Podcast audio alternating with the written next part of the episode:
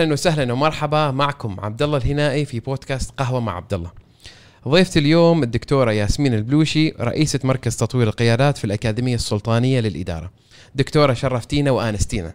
شكرا يا عبد الله شرف لينا وسعيدة جدا بكون معك في البرنامج اليوم الله يعطيك ألف عافية وحقيقة دكتورة يعني الناس اللي خبروني وقالوا لي يريدوا يقابلوكي يريدوا يجلسوا معاكي انت مرجعية لمجموعة كبيرة من الشباب انت كما يقولوا مصنع للقيادات. طلع من إيدك يعني ما شاء الله الناس اللي اعرفهم اللي في مناصب آه، عليا في الدولة وفي شركات في القطاع الخاص عدد كبير جدا. وأيضا انت يعني وش أقول لك بوصلة روحية للبنات في في عمان للشابات العمانية. دائما ياخذوك قدوة. وإنجازاتك تتكلم. انت يعني إنسانة هادية وإنسانة دائما متحفظة عن إنجازاتك. بس أنا اليوم اليوم أنا أريد نتكلم عن إنجازات الدكتورة ياسمين. لأنه حقيقة أنا متأكد إنك بتكوني منبر مشع لجميع الشباب والشابات في عمان ودائما لما يفكروا في إنجاز يفكروا فيك أنت. والله تسلم عبد الله يعني يعني هذا الألقاب يعني آه، أتوقع أنها أكبر من حجمي يعني. لا بس يعني إنه أبداً. مصنع قيادات وإنه آه، بوصلة آه، لسا هذه حاجة أتشرف فيها. طبعا من خبرتي المتواضعة اللي أقدر أساعد في الشباب بشكل خاص يعني والمرأة يعني يعني هذا المحورين أو هذا two dimension بالنسبة لي شغف. آه، ف ودائما الإنسان آه، اللي يؤمن بالعطاء ما يفكر إنه هل هو جالس يحط قبعة إنه مصنع قيادات أو إنه دكتورة أي انت ألقاب؟ أنت, انت متواضعة دكتورة. هي تيجي بشكل عفوي أو هي تيجي بشكل تلقائي لأنها جزء من رسالتك أنت كشخص. صحيح. موجود في في في هذا الوطن موجود في هذا الحيز. ويعني أنا دائما أقول كأنها هي رد الجميل رد آه، اللي هذا الوطن أعطانا كل هذه الإمكانيات وأعطانا كل هذه الفرص. كأنها رد جميل وأيضا آه، أنا دائما أعتبرها كلمة تعطي كلمة أنت تاخذ أيضا. صحيح, صحيح. بعد أنت دكتورة أنا من واقع تجربة. يمكن آه، المستمعين والمستمعات والمشاهدين والمشاهدات يعرفوا أنا خضت في برنامج اعتماد لتأهيل القيادات وأنت كنت جزء كبير من هذا البرنامج. وحقيقة يعني لين كلمة التخرج أنت كنت جزء من الفعالية ومن الأنشطة والناس يعني مثل مثل النمل على السكر يجتمعوا عليك يبغى يعرفوا منك آه، إيش طموحك إيش وين يتوجهوا في مسارهم المهني في مسارهم الأكاديمي. الحين إحنا راح نتكلم عن آه كيف وصلتي في آه، وظيفتك الحالية قبل آه، يعني نرجع شوي للوراء. أنت بنت شباب آه، دكتورة ياسمينة. فنبغى نعرف من مسارك في المدرسة وأنت ماشية إلى البكالوريوس ومن ثم إلى المسار المهني كامل. المسار المهني. هذا يطول يعني. هذه قصة أنا متشوق لاسمعها حقيقه يعني. آه طبعا إذا إذا تكلمنا عن المسار المهني آه طبعا بديت حياتي كمدرسة. مدرسة في مدرسة. وحالفني حظ إني أكون مدرسة في المدرسة اللي درست فيها. ويعني أذكر اسم المدرسة يعني طبعا لأني أنا دائما أفتخر بهذه المدرسة لأن هي اللي درست فيها وهي اللي درست فيها وهي اللي بديت أول خطوات. وأتوقع هذه المدرسة لها وقع لأن هناك أنا عرفت وين شغفي طبعا أنا تخرجت من تربية لغة إنجليزية من جامعة السلطان وتعينت في مدرسة نسيبة بن كعب المدرسة اللي تشرفت وأنا درست فيها طول حياتي. درست درست كمدرسة آه لإعدادي في البداية. وكان من ضمن شروط آه وزارة التربية هذيك السنة إن إذا كان عندهم نقص في محو الأمية أو صفوف كبار السن في المساء بيشوفوا حد متعين جديد. وكان إجباري يعني المسألة ما كانت اختياري يعني. وكان بالنسبة لي صدمة أول سنة أدرس وطالبين مني أيضا أدرس في المساء. بس كنت ما أتوقع إن هذا اللي هو هو اللي بيغير البوصلة. يمكن هذا كان اختبار أمامي وتحدي أمامي إني أكتشف أنا إيش أريد. لأن بأمانة التربية ما كانت الرغبة الأولى عندي. أنا كان رغبتي أكون مدرس مهندسة معمارية. أوه. ولما هذا دخلت شغف كبير ما شاء الله. ولما دخلت الجامعة تفاجأت إن السنة اللي دخلت فيها آه، ما يسمحوا للطالبات يسجلوا في كلية الهندسة. يعني هذاك السنة اللي وقفوا فيها.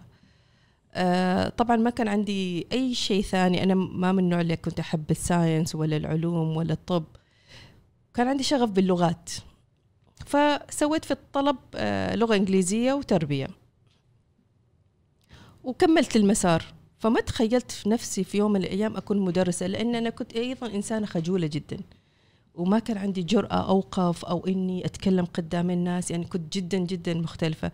في في ناس يعرفوني من أيام الجامعة يقولوا نستغرب إنه هذه نفس ياسمين يعني نستغرب. آه، بس هي الحياة تعلم وتشكل وفعلا يعني عشان كذا دائما أقول الإنسان آه، أنت قابل للتغيير أنت قابل للتحول أنت قابل لأنه بأمانة الناس اللي يعرفوا هذاك الحقبة ممكن بيقول لك مستحيل هذه نفس البنت. فكنت البنت الهادية كنت متفوقة لكن كنت دائما على هدوء. آه، فما تخيلت نفسي مدرسة لكن ما شاء الله جامعة السلطان كان عندها برنامج قوي والسنة الأخيرة يأهلوك ويحطوك في المدارس ويتابعوك ويعطوك تدريب صار عندي شوية ثقة في النفس. لما بديت أدرس شفت إن في هذيك السنة علاقتي بكبار السن أقوى بكثير بعلاقتي مع مثلا الفئة العمرية اللي كانت في الإعدادي والثانوي. وأنا كنت في المحو الأمية أدرس أو تعليم الكبار أدرس الثانوي. فحسيت في فرق. في المساء استمتع أكثر. على كثر ما أنا كنت في البداية يمكن كنت متضجرة من الموضوع وإنه كيف أسوي دوامين في اليوم ومتعب وكذا. بس صرت أستمتع أروح. يعني I look forward مثل ما يقولوا إني متى أحضر ال class ومتى أقابل الجماعة هذول في المساء. لأنه يحاوروني إيه، إيه، اللي جاي يتعلم وهو كبير عنده شغف وجاي يتعلم ومنصت لكل شيء. ويحاورك وفي عقل وفي نضج وكذا. إيه، حسيت إن في حاجة هنا رابط ما موجودة مع طلاب المدارس. ويمكن عشان كذا أقول لك هي كان تحدي بس اكتشفت حاجة أنا ما كنت أعرفها. إن أنا عندي شغف آه، يمكن بفئة عمرية مختلفة. وفعلا بديت أشوف وين يكون عندي فرصة أقدر آه، أدرس ناس أكبر في العمر. وصادفني إعلان بالصدفة إعلان آه، كان معهد المصرف العماني يعني كانوا يبحثوا عن مدرسين للبانكرز موظفين البنوك لأنه معهد المصرف العماني في التسعينات كان فقط آه، موجه لموظفين القطاع المصرفي والمالي. ما كان لسه هذاك الوقت ما كانت كلية وما كانت ما زالت ما كانت يعني مفتوحة لخريجين الثانوية العامة الطلبة. كانت فقط محصورة للموظفين. فحتى عدد الطلاب ما كان يزيد عن 80 أو 100 في كامل المعهد يعني. أنا قدمت طبعا ودخلت ال interview وكان فيها تقريبا ثمان تسعة أشخاص وأكبر interview أول interview آخر interview أعتقد دخلته في حياتي. وقلت لما طلعت من هنا قلت مستحيل إنه بياخذوني يعني هم تصرفوا كأنهم هم طلاب وما في خل... ما خلوا شيء ما سألوا. وأنا توني يعني سنة سنتين خبرة ما كملت يعني. تفاجأت يوم الثاني متصلين صباح إن أنت عندك أول class الساعة ثلاثة تكوني موجودة. فقلت لهم كيف الساعة ثلاثة؟ أنا خلص الساعة واحدة والمعهد المصرفي في روي يعني يأخذ له حتى وقت. قال تكون الساعة ثلاثة وتتجهز للكلاس الساعة أربعة. فخذيته كتحدي. وفعلا هذا التحدي لما خذيته ما تتوقع إنها دامت ثلاث سنوات. ما شاء الله. فكنت ادرس كنت أدرس. دوامين دوامين في نفس ال أول سنة كان آه. دوامين. م. ثاني سنة ترشحت إن أكون في أول دفعة ماجستير في جامعة السلطان من ضمن أول خمسة وصار لي تفريغ عشان أدرس الماجستير. أه لما شفت المحاضرات وكذا قلت أه ليش ما أكمل؟ يعني أنا بديت أحب عملية التدريس للموظفين. كان فيها تحدي كبير يا عبد الله ما أقدر أشرح لك إياه بس أنا عشان أدرس ساعة ليهم كنت أحضر نفسي ست ساعات ما أبالغ فيها. لأن كان كل ساعة عبارة عن منافسة بيني وبينهم. لأنهم يشوفوني آه، بنت عمانية وصغيرة في السن. طبعا هذول ناس عندهم خبرات وموظفين. فكنت لما أدخل للكلاس كأني داخلة ساحة يعني ساحة حرب. دائما كنت منتبهة. ما يسالون سؤال ما أعرفه. لازم أثقف نفسي لازم أهيئ نفسي لازم أرتب نفسي إني أنا على قدر هذه المواجهة. صار لك دخلت ال class وكذا ما عرفوك طالبة ولا مدرسة؟ أوه واجد. يتكلموا عادي وعرفوا أنت طالبة ولا مدرسة. إيش وضعك من الحين؟ المواقف اللي ما أنساها موقفين يمكن أنا بحكيهم على السريع.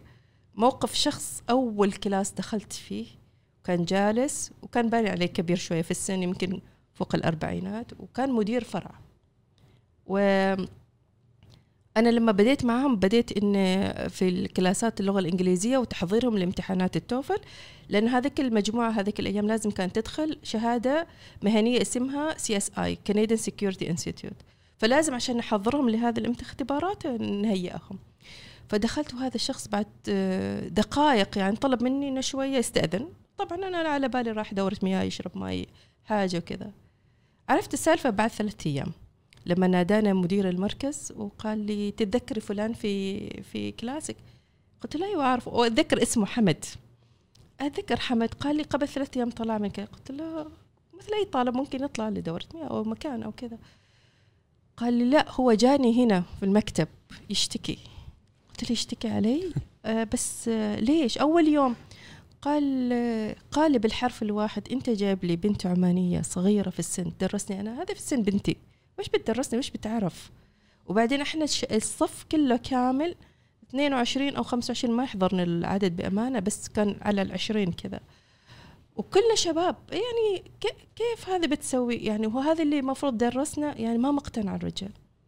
فمدير المركز قال له أنا بعطيك يومين بس اجلس عندها وإذا أنت ما اقتنعت بعد يومين تعال خبرني وأنا راح أحولك ل class ثاني. قال لي هذا الشخص جاني اليوم. وقال لي جملة قال لي أنا ليه ما أخلص هذه السنة؟ لا تطلعني من عندها.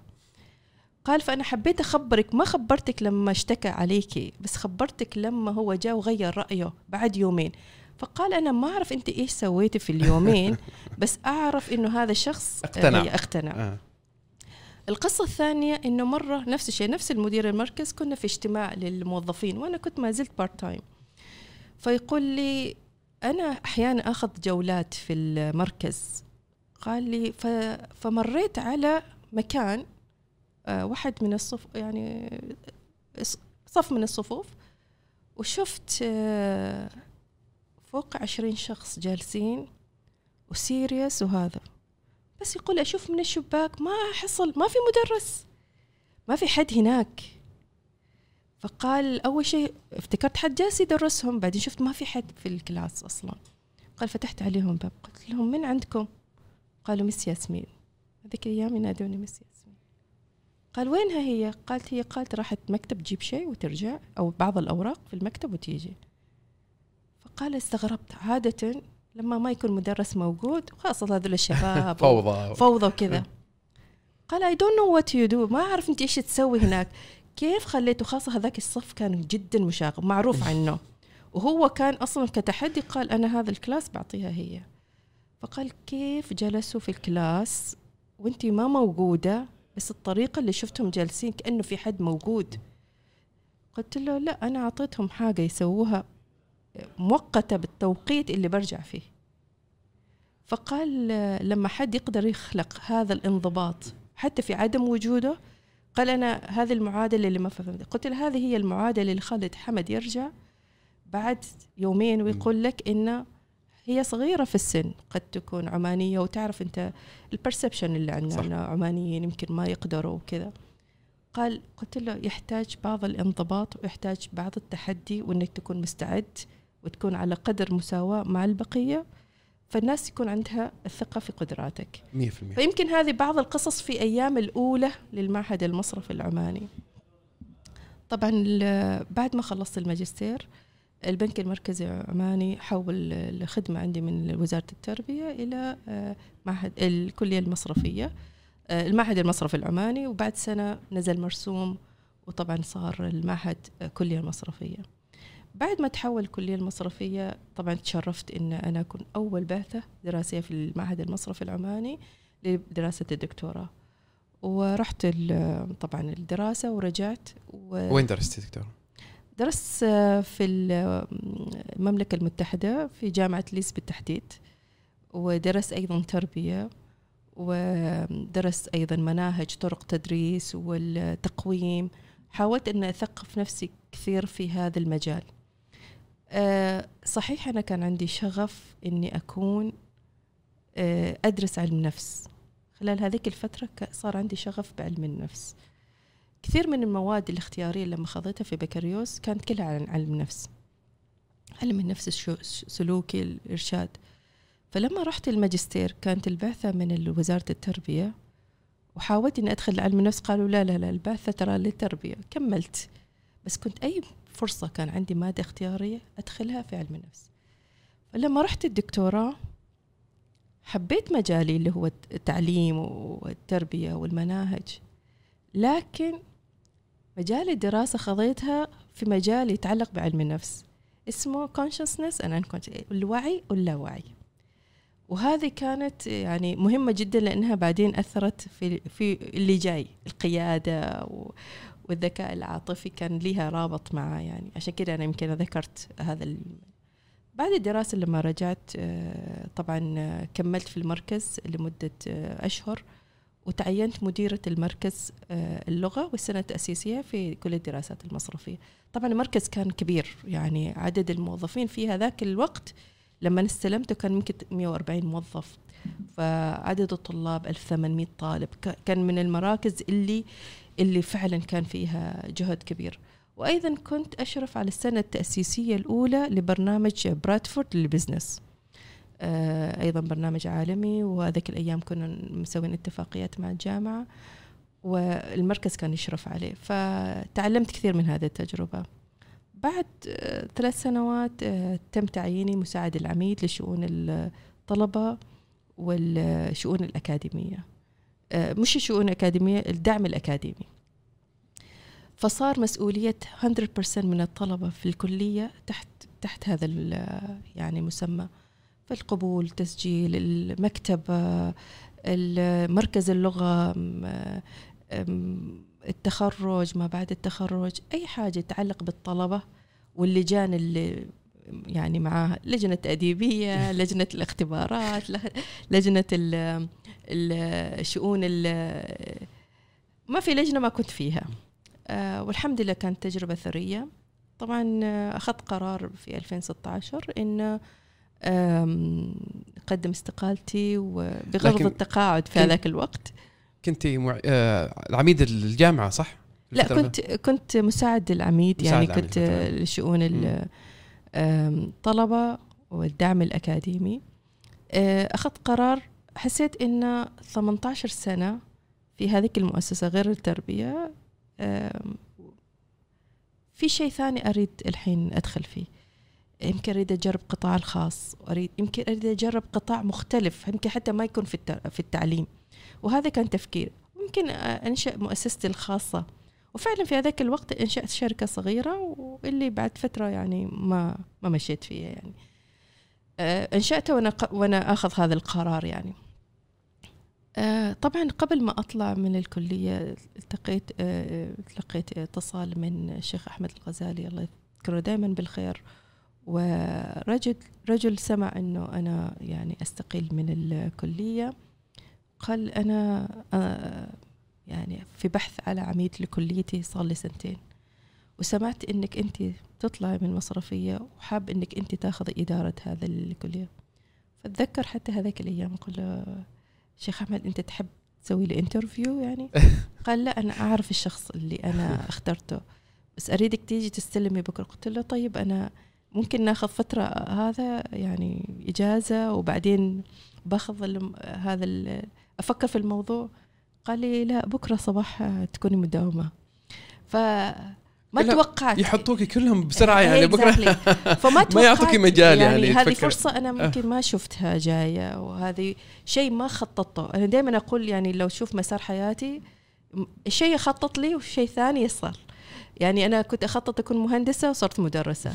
آه، آه، مخطط أوكي خلاص مدرسة بكون في المدا في المدرسة وكذا. دخلت المدارس آه، فتح لي باب المعهد المصرفي. وإصراري إني أكمل معاهم ثلاث سنوات أعطت ليهم ثقة إنه إحنا نريد هذا الشخص يكون معانا يكمل معانا. فسووا لي تحويل خدمة على طول. فكل شيء مسار كان ما ما إنه بتخطيط من عندي وكذا بس هي مسارات. أنا كنت أشتغل على نفسي وأشتغل على بكل جهدي وكان تفتح لي أبواب أنا ما كنت أتوقعها. فهذه كانت من ضمن الأبواب اللي فتحت. آه طبعا آه الموضوع أثارني كثير إنه قطاع خاص وكلية و... وأكون عميدتها. فيمكن أنا حتى ما فكرت في ال offer ولا هذا كنت أفكر في هذا ال... هذا ال direction خبرة جديدة تحدي جديد لأن لما أنت تدير أنت تكون في القيادة ما ملف تربوي ما ملف تعليمي. في ملف مالي في ملف آه إدارة الموارد البشرية في ملف في ملف جودة في ملفات أخرى أنت مسؤول عنها. طبعا بعض هذه الأدوار أنا كنت جزء من مسؤولياتي في الكلية المصرفية. فأخذت التحدي ولما أخذت هذا التحدي ما كنت أعرف في هذاك الوقت إني أول امرأة عميدة. يعني ما خطرت على بالي.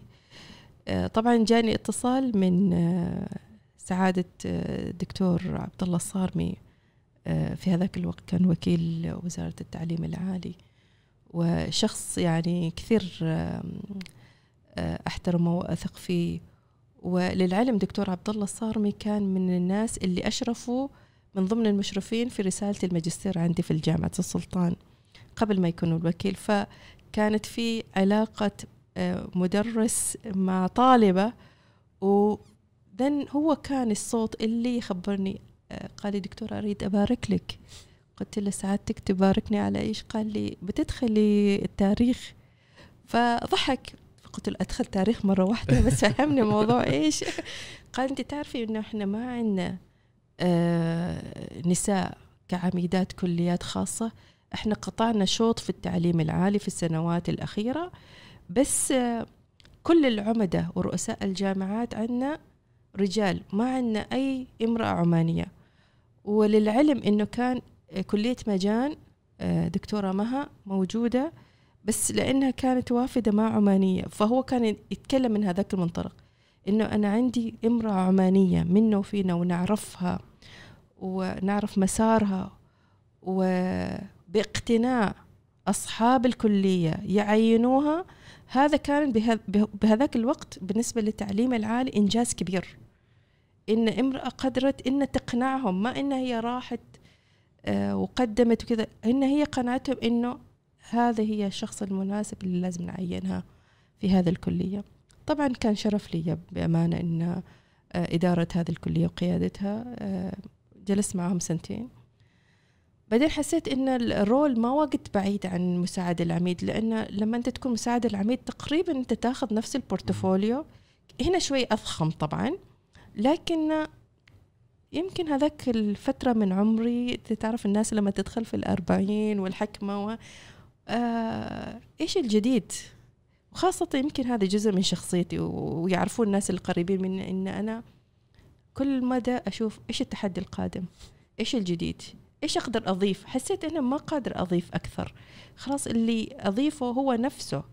آه طبعا آه أنا ما أريد أقلص من الدور لأنه دور كبير. خاصة قطاع التعليم دائما أقول از rewarding.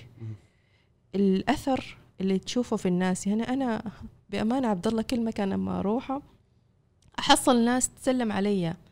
أنا كنت طالبة عندك في الكليه المصرفية أنا كنت طالب في المعهد. والله بأمانة من من الأشياء الجميلة إنه من فترة التقيت بشخص ويعرفني عليه واحد من الرؤساء التنفيذيين ويقول هذا الرئيس التنفيذي القادم لواحدة من المصارف الموجودة في عمان. فالشخص هذا قال أنت تعرفني على مدرستي اللي درستني لما كنت أنا موظف جديد. وهي درستني أول مدرسة درسني. فكان بالنسبة لي إنه أنت ما تعرف الأثر اللي تتركه. أنا قد أنسى طلبتي لأن بالآلاف بأمانة ما أبالغ في 25 سنة بيكونوا بالآلاف. لكن هذاك الشخص ما نسى هذه المدرسة حتى بعد مرور 25 سنة أو 23 سنة لأنه هذاك الشخص قابلته في 99 كان يقول لي أنت أول شخص درستيني لما دخلت المعهد المصرفي عمان وأنا كنت موظف جديد أنا كنت موظف في البنك جديد. اليوم أنا رئيس تنفيذي. بس أنا ما أقدر أنسى مدرستي. فأنت تعرفني على شخص عزيز علي وأعرفه وكذا وله بصمة في حياتي. فقطاع التعليم دائما له أثر أثر إيجابي دائما فكل ما مشيت مكان أشوف طلبتي خريجية فحس بفخر. هي ما وظيفة هي رسالة. ودائما تحس هذه من أعمق الرسالات لأن أثرها تكون على حياة البشر لما بعد. كثير أحصل بنات أحصل ناس أعرفهم يقولوا دكتورة تتذكر لما جيت مكتبك لكذا كذا. طبعا أنا ما بتذكر. آلاف الأشخاص يعني اللي يعني مروا عليك وتتذكر في واحد أولياء الأمور من فترة شافني وقال لي تذكريني؟ أنا كنت مسافر وأنت كنت مديرة مركز وكانت بنتي محرومة من الاختبار لأني ما دافعت تشيك وقلتي لها خذي المبلغ وروحي دخلي الاختبار. ليه ما يرجع يرجع أبوك. فقلت له أنا ما أتذكر. قال وأنا ما أقدر أنسى. يعني أنت ما تعرفيها. ما في ضمانات. بس أنا مسافر والبنت منهارة وتبي تدخل اختبارات من بيسوي هذا الموقف؟ قلت له أنا يعني عفويا بالنسبة لي مربية. آه، أحس إنه أقدر أفرق إنه هذه حالة استثنائية ولا لا. ويمكن عملتها من باب عملي. آه، هم ما يشوفوها بهالطريقة. فتحس ان هذه هي بعض المواقف اللي تجي لك في الحياة. تحس إنك حطيت ثمار أشياء مؤثره على حياة أشخاص بطريقة آه، كبيرة.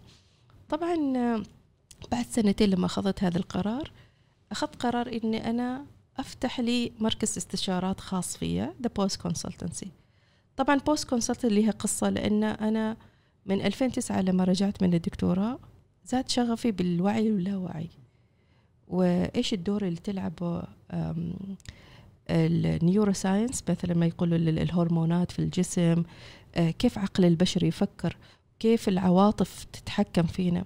ودخلت بعمق في هذا العلم آه، ودخلت على الذكاء العاطفي. آه، طبعا آه، اشتغلت مع مؤسسة معروفة في العالم هو مركز الذكاء العاطفي في أمريكا. آه، من هذاك الوقت لحد اليوم كل سنة أنا آخذ معهم شهادة مهنية. والله بأمانة أنا عندي تسجيل شهر 11 واحد معاهم و course بيكون في بالي. أنا أستثمر فيه. لأن coaching دكتورة؟ ال coaching لا coaching خلاص خلصنا. أيوة. أيوة. هذه بتكون very senior leaders around the world اللي هم مختارين مجموعة بسيطة يعني من 80 دولة. وتشرفت إن كنت من ضمن الناس اللي اختاروهم لأنه هذا ال course بالذات ما بيعطوا لي أي حد. فأنا قطعت معهم شوط شوط يمكن 14 سنة. صرت coach وصرت assessor وطبعا international assessor يعني من الناس اللي عندهم تقييم العالمي للذكاء العاطفي والقيادة. فأنا هذاك الفترة آه، خلاص فتحت هذا المركز إن أبدأ أشتغل في هذا المركز على الذكاء العاطفي القيادة من منظور الذكاء العاطفي. ما كملت خمس أيام بعد الاستقالة. آه، خمس أيام طبعا أنا حطيت بوست آه، على تويتر إنه تجربة جميلة مع الكلية مسقط ويعني تحدي قادم ووجهة قادمة. في كثير ناس قروا هذا ال post وفي ناس بدأت تتواصل معايا وفجأة شفت ناس تقدم لي وظائف مختلفة. قلت يا جماعة ترى أنا ما استقلت عشان أخذ وظيفة أنا استقلت لأن آه، أريد break يمكن. أنا كنت أحتاجه يمكن فترة كمان break وكنت أحتاج فترة أيضا أعيد ترتيب الأشياء في حياتي وأيضا يمكن أنمي هذا الشغف وهذا المجال اللي صار فيه عندي تعمق فيه في في شركتي الصغيرة. آه طبعا مثل ما قلت لك بعد خمسة أيام صار لي حديث مع لجنة اللي كانت مشرفة على برنامج اعتماد هذاك الوقت. وصار لي لقاء مع معالي عبد الله بكري بخصوص هذا المشروع. للعلم في البداية ما كنت متحمسة أخذ البرنامج لأنه فعلا يعني خلاص ما بغيت مثل ما تقول أخذ عمل ثاني. بس فكرة البرنامج عجبتني. يعني كانت من ضمن الناس الأشياء اللي فيها عندي شغف قيادات. هل أقدر أحط بصمة في القيادات العمانية شابة لما قرأت ملف اعتماد شفت إنه إيش الهدف من هذا البرنامج أصلاً؟ هل هو برنامج وخلاص يعني؟ اذا هذه مالية. بقولهم يعني أعتذر. بس شفت هذا البرنامج شيء أنا أؤمن فيه بأمانة. لما قالوا لي إنه أصلا القيادات العمانية لما في مختبرات تنفيذ طلعوا الإحصائيات 21% فقط في عمان. يعني 80% ما عمانيين. وهذه قيادات وسطى. الداينامو للقطاع الخاص هي في القيادات الوسطى ترى. يعني لأنه هذول الناس هم اللي نفذوا الاستراتيجيات. هم العمليات. هم هم القلب قلب العمل. وهذول فقط عشرين في المية ليش؟ وين العمانيين والناس وشبابنا اللي عندهم الإمكانيات؟ قال لك واحدة من الأشياء اللي طلعت في هذاك ال lab إنه آه، القطاع الخاص يؤمن إنه عندهم ال technical skill عندهم اللي طالع مهندس واللي طالع محاسب الخبرة الفنية. الخبرة الفنية موجودة. لكن الخبرات القيادية والمهارات القيادية ما عندهم. آه، أنا هذا الأنجل وقت يعني أثار انتباهي. ليش ما موجودة عندهم؟ هل ينقصهم؟ قالوا والله في بعض الناس من القطاع الخاص قالوا ما يقدروا يستثمروا في كثير في هذا الموضوع. وفي منهم قال لا يعني ما راح يفيد أي تدريب.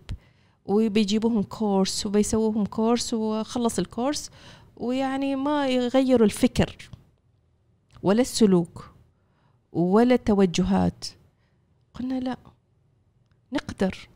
من قال ما نقدر نغير الفكر ولا السلوك ولا التوجهات ولا أحيانا حتى البليف يعني مثل ما يقولوا. آه، أحيانا الشخص يريد توجيه وأحيانا الشخص يريد فقط يسمع من البقية. أحيانا شخص يريد فقط آه، يعطيه حيز إنه يسوي reflection مثل ما يقولوا أو يشوف اللي هو جالس يسويه صح على حسب ما جالسين يقولوا له ولا في حلقة ضائعة يعني missing ولازم آه، عجبني كثير البرنامج وخطها كتحدي بأمانة. واتذكر هذاك الأيام آه، معالي يقول لي برنامج صار له ثلاث سنوات ونحاول ننفذه. دكتورة نعطيش تيم وحاولوا إنه هذا البرنامج ينفذ. قلت له معاليك متى تريدني ابي قال لي بكرة الصباح مرة ثانية. مرة ثانية. كيف بكرة الصباح قال لي وأنت كم شخص قلت له ست أشخاص. قال بيكونوا معك في المكتب. قلت له أريد حد كذا وحد كذا. قال بيكونوا معك في المكتب. بأمانة عبد الله الموقف كالتالي. أنا دخلت المكتب الصباح وفي ست أشخاص. قلت لهم السلام عليكم. آه، أنا اسمي ياسمين. آه، قبل ما تخبروني أساميكم أريد أخبركم شيء.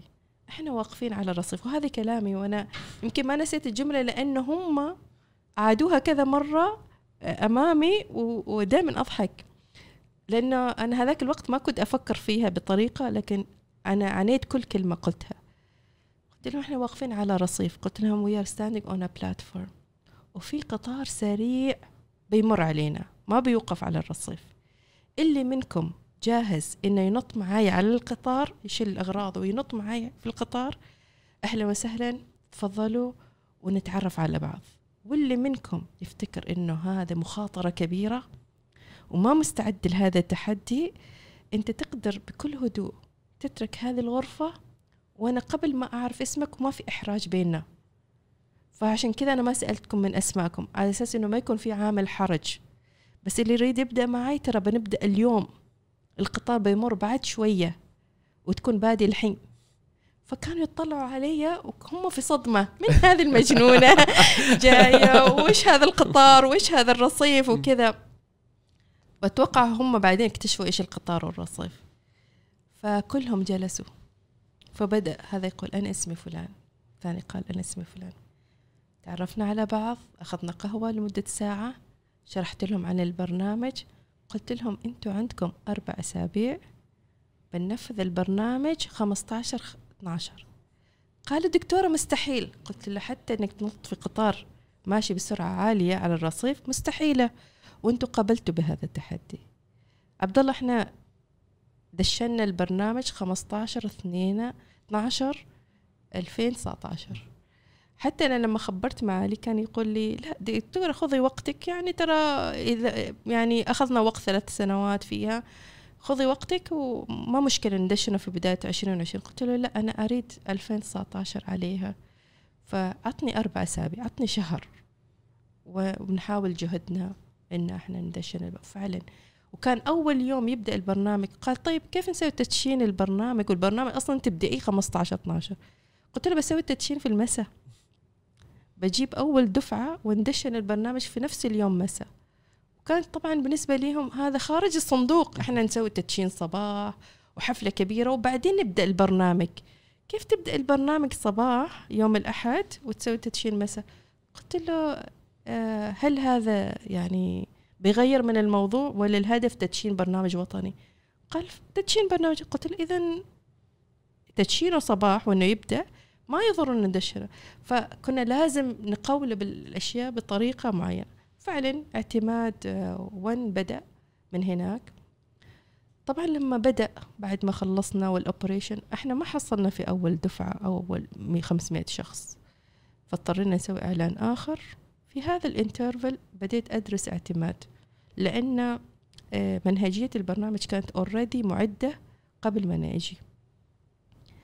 فكشخص آه، طبعا أنا في شيء ما خبرتك عنه. خلال مساري من 2009 لما رجعت من دكتوراه أنا دخلت في شيء اسمه CSI. أخذت برنامج دبلوم مهني في ال banking and finance سجلت فيه على طول بعد ما رجعت من دكتوراه.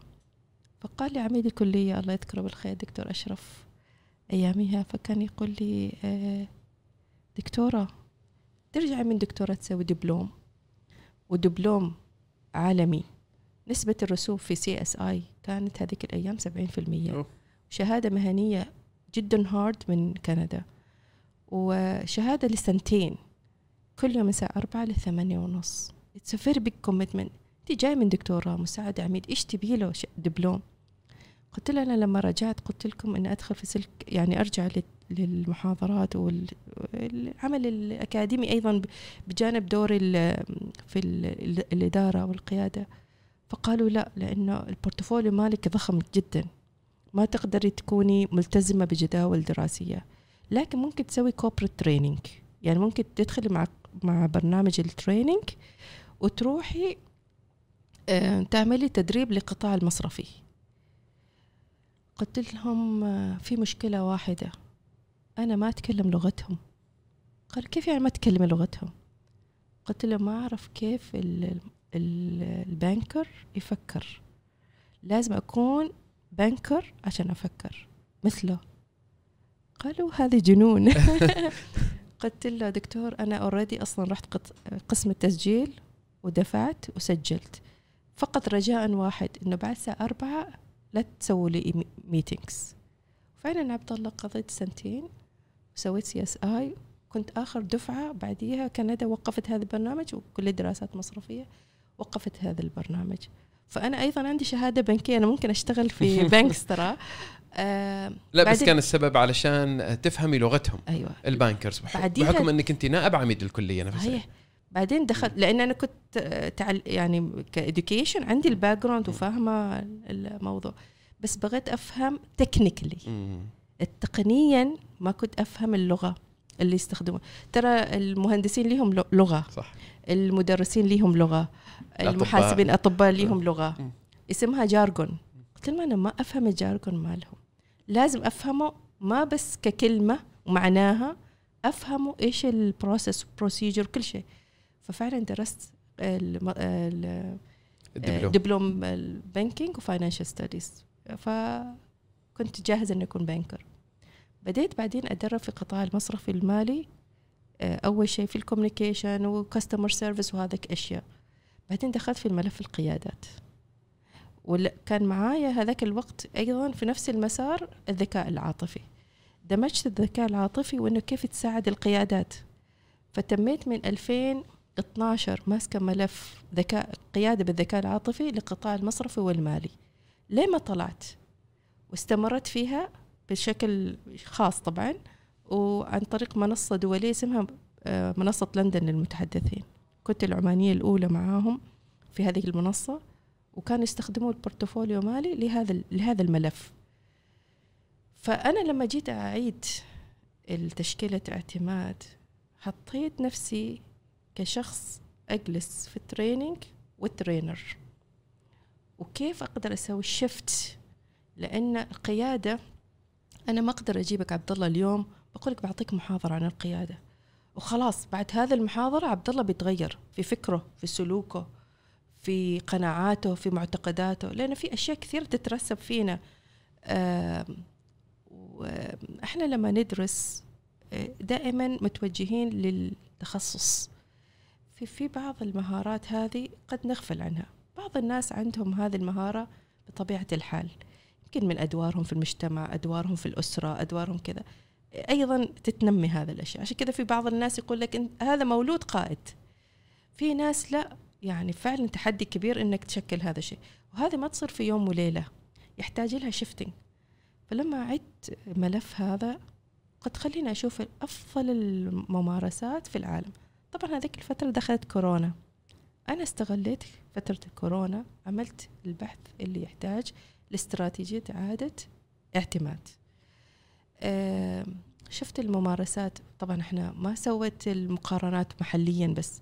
محليا في دول الخليج في مراكز القيادية في دول الخليج أكاديمية الشيخ آه، محمد بن راشد في السعودية آه، أخواننا في في البحرين تمكين إيش سووا قطر leadership center أيضا في عمان بعض البنوك مثل بنك مسقط PDO كان عندها برامج كلية الدفاع الوطني في بعض الممارسات القيادية كانت ناضجة بعدين في العالم أوكسفورد إيش تسوي؟ كام كامبريدج إيش تسوي؟ طيب هارفرد إيش جالسين يسووا؟ جماعة في في سنغافور إيش يسووا؟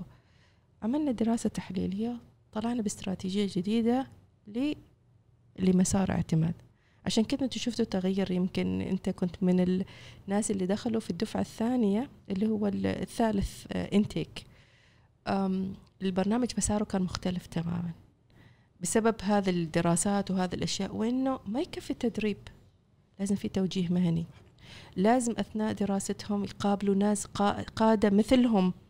عماني مثله آه، مشى في الخط القيادي إيش استفادوا منه وكذا. آه، بدينا ندخل دايمنشن. لازم يكون عندهم الفترات اللي ما يكونوا في التدريب في حاجة تخليهم انجيج في المشاريع. طيب أنا أريد آه، أريد أتحدى عقلية هذا الشخص من يوم ما بدأ ويمسك مشروع. وكيف هذاك المشروع يحاول يحصل له حلول؟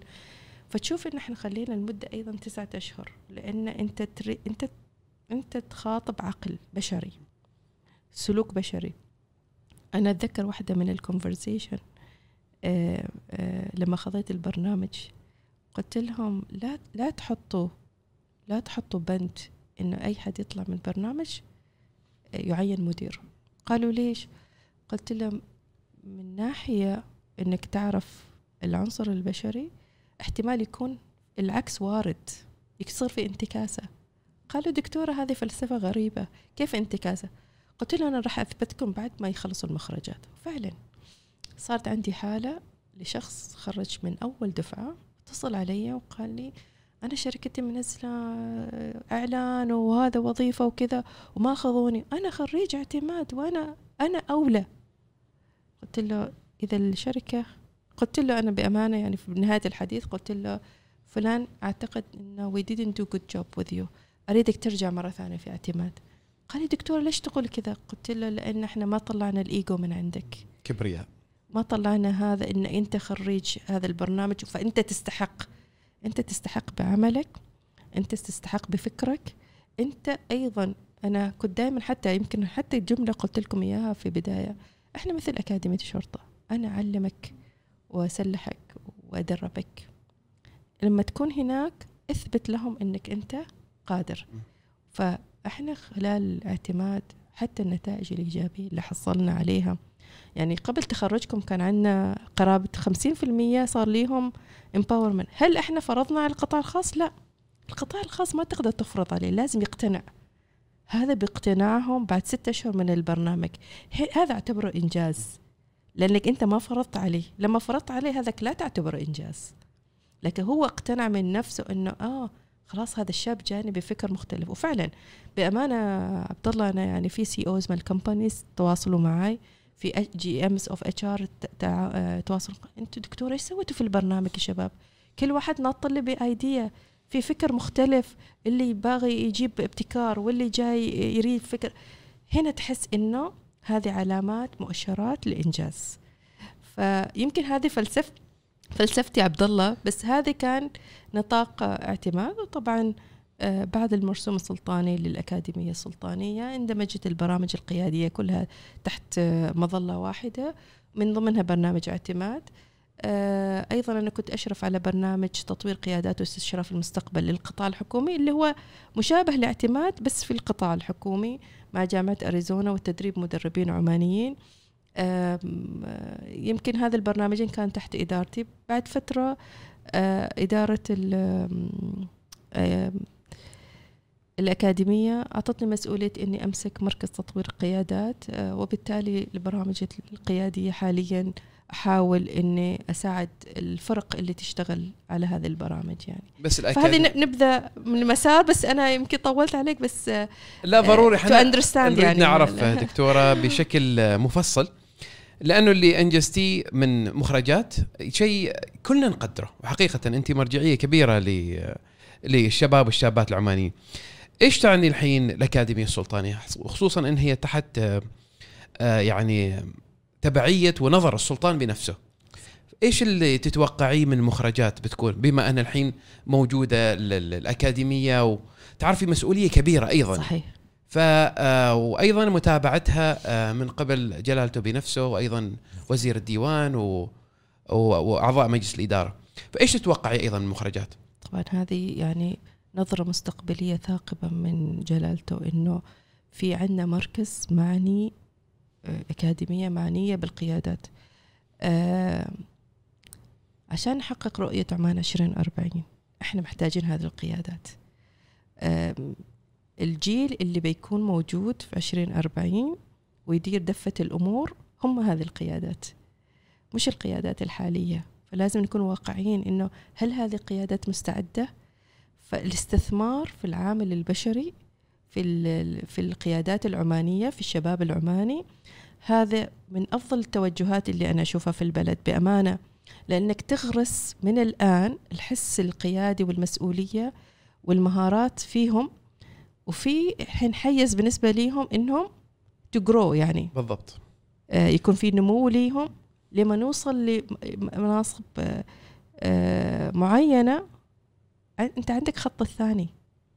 موجود جاهز.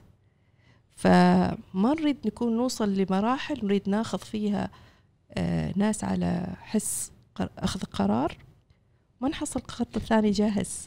آه، فدكتورة في واحدة من الأشياء اللي يعني أيضا كنت مصر جدا إنك تكوني معي ضيفة في البودكاست. أنا كرائد عمل دكتورة برنامج قيادي نفس اعتماد. عانى لي الكثير الكثير. أول حاجة أنا ما اشتغلت في نظام الشركات أو ال corporate level فما أعرف الهيكل الإداري للشركه كيف ممكن يكون؟ ثاني شيء اتصالي أنا كرائد عمل وأنتم جزاكم الله ألف خير أعطيتونا 20 كرسي لرواد الأعمال. مع ان انتقدتكم يعني حقيقة. طيب هذه كانت على فكرة الأول محاولة وفعلا يعني أنا كنت مصرة آه، دائما عندي قناعة أن رواد الأعمال جزء من القطاع الخاص. أنا أنا ليش أفصله؟ ترى إذا سوينا برامج للحكومة ما بيدخلون فيها. ترى العماني سوينا قطاع خاص ما يدخلون فيها. العماني المؤهل سواء كان في القطاع صحيح. الحكومي في القطاع الخاص في ريادة الأعمال ترى يبقى في عمان. في عمان وذيك الكفاءة وذيك الموارد اللي صحيح. تم تهيئتها تبقى أيضا تفيد البلد بطريقة أو بأخرى. فكان واحدة أيضا من الأشياء اللي أنا أشجع فيها الشباب رواد الأعمال. تعرف إحنا دائرتنا كرواد أعمال دائرة رواد أعمال فقط. فنبغى يكون عندنا اطلاع على الجهات الأخرى. نفس القطاع الخاص مثلا أنا كنت معي في الدفعة شباب من بنك مسقط شباب من عمان تل شباب من صحيح. آه فودافون وغيرها من آه آه الشركات الكبرى في عمان. فأعطاني انكشاف رائع أول شيء. إن هم كيف يديروا مؤسساتهم؟ إيش هم كجزء من منظومة أكبر؟ كيف وضعهم فيها؟ صح. فيعني حتى أتذكر كان المهندس عامر مصطفى الفاضل كان يخبرنا يقول group الواتساب اللي سوينا لكم إياه مع الاعتماد بيكون أهم group واتساب عندكم في كل المحادثات يعني. لأن بتسويوا منها علاقات وبتكونوا منها معارف على مدى طو يعني عشرات السنين.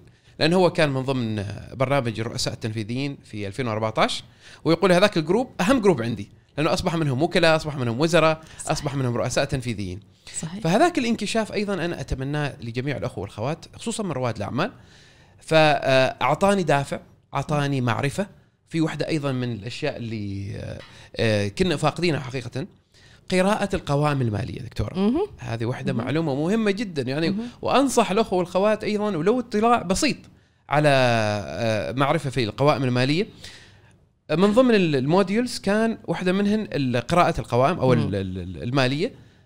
خذت لي معرفة حسبت نفسي وهي مجموعة من الشركات إني أنا مسوي فلوس إني مسوي أرباح. ولما بديت أفهم وأستوعب إيش يعني الأرباح إيش يعني الخسارة تغير تماما فكري النظرة. للشركة. اي صحيح.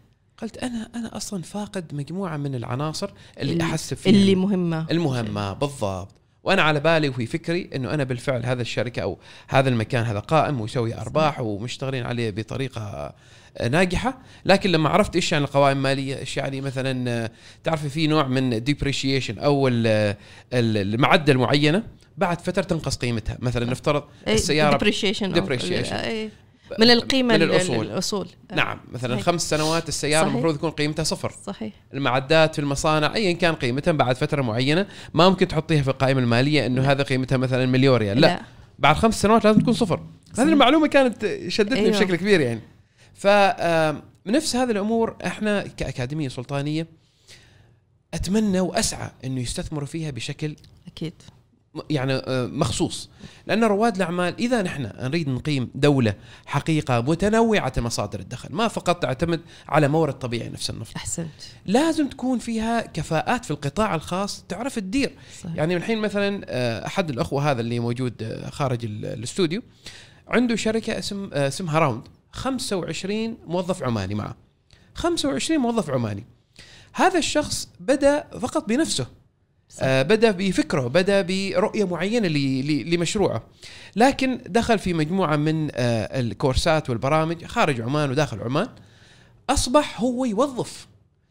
أصبح هو يوظف ناس أصبح هو يأهل ناس أصبح حتى يعني فترة فترة يخبرني نساعد ناس آه، في الزواج نساعدهم في. تمويل سياراتهم. صحيح.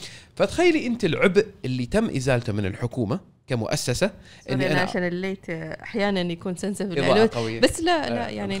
دونت وري بس ف... لأن أنت تشوفني طول الوقت كأني هذا بس ما اني علشان ابكي. لا من الحماس والمشاعر هذا في بودكاست قهوة مع عبد الله دائما. فكان آه، واحدة من الأمور اللي دائما أبغى أركز عليها أنه القيادات العمانية خصوصا في صحيح. ريادة الأعمال إذا تم تمكينها بطرقة أو أو ب- بسعة معينة ممكن تكفي الحكومة تماما عن التوظيف. طبعا طبعا. عبد الله أنا خليني أخبرك كيف جت هذه السيتس لرواد الأعمال. ترى هي إيمان قوي عندي انه اقتصاديات كثير من الدول على مؤسسات الصغيره والمتوسطه خاصة اللي يديرها أبناء البلد نفسهم. في اعتماد وان في شيء أنا اكتشفته لما عملنا تغذية راجعة من من المجموعة. لما طلبنا منهم إنهم يقيموا البرنامج وإيش أكثر شيء تعلموه خلال البرنامج؟ إيش أكثر قناة تعلموا خلاله من البرنامج؟ تصور إيش يكون؟ كل هذاك الأشهر اللي قضوها و... وأدوات مختلفة في التدريب وكذا. قال التعلم من بعض. قلت لهم إيش يعني تعلم بعض؟ أنا الحين مثلا في قطاع آه الريتيل التوزيع أو إيش يسموه في قطاع ال retail؟ sorry ما يحضرني البيع الكلمة. بالجملة. البيع بالجملة. آه.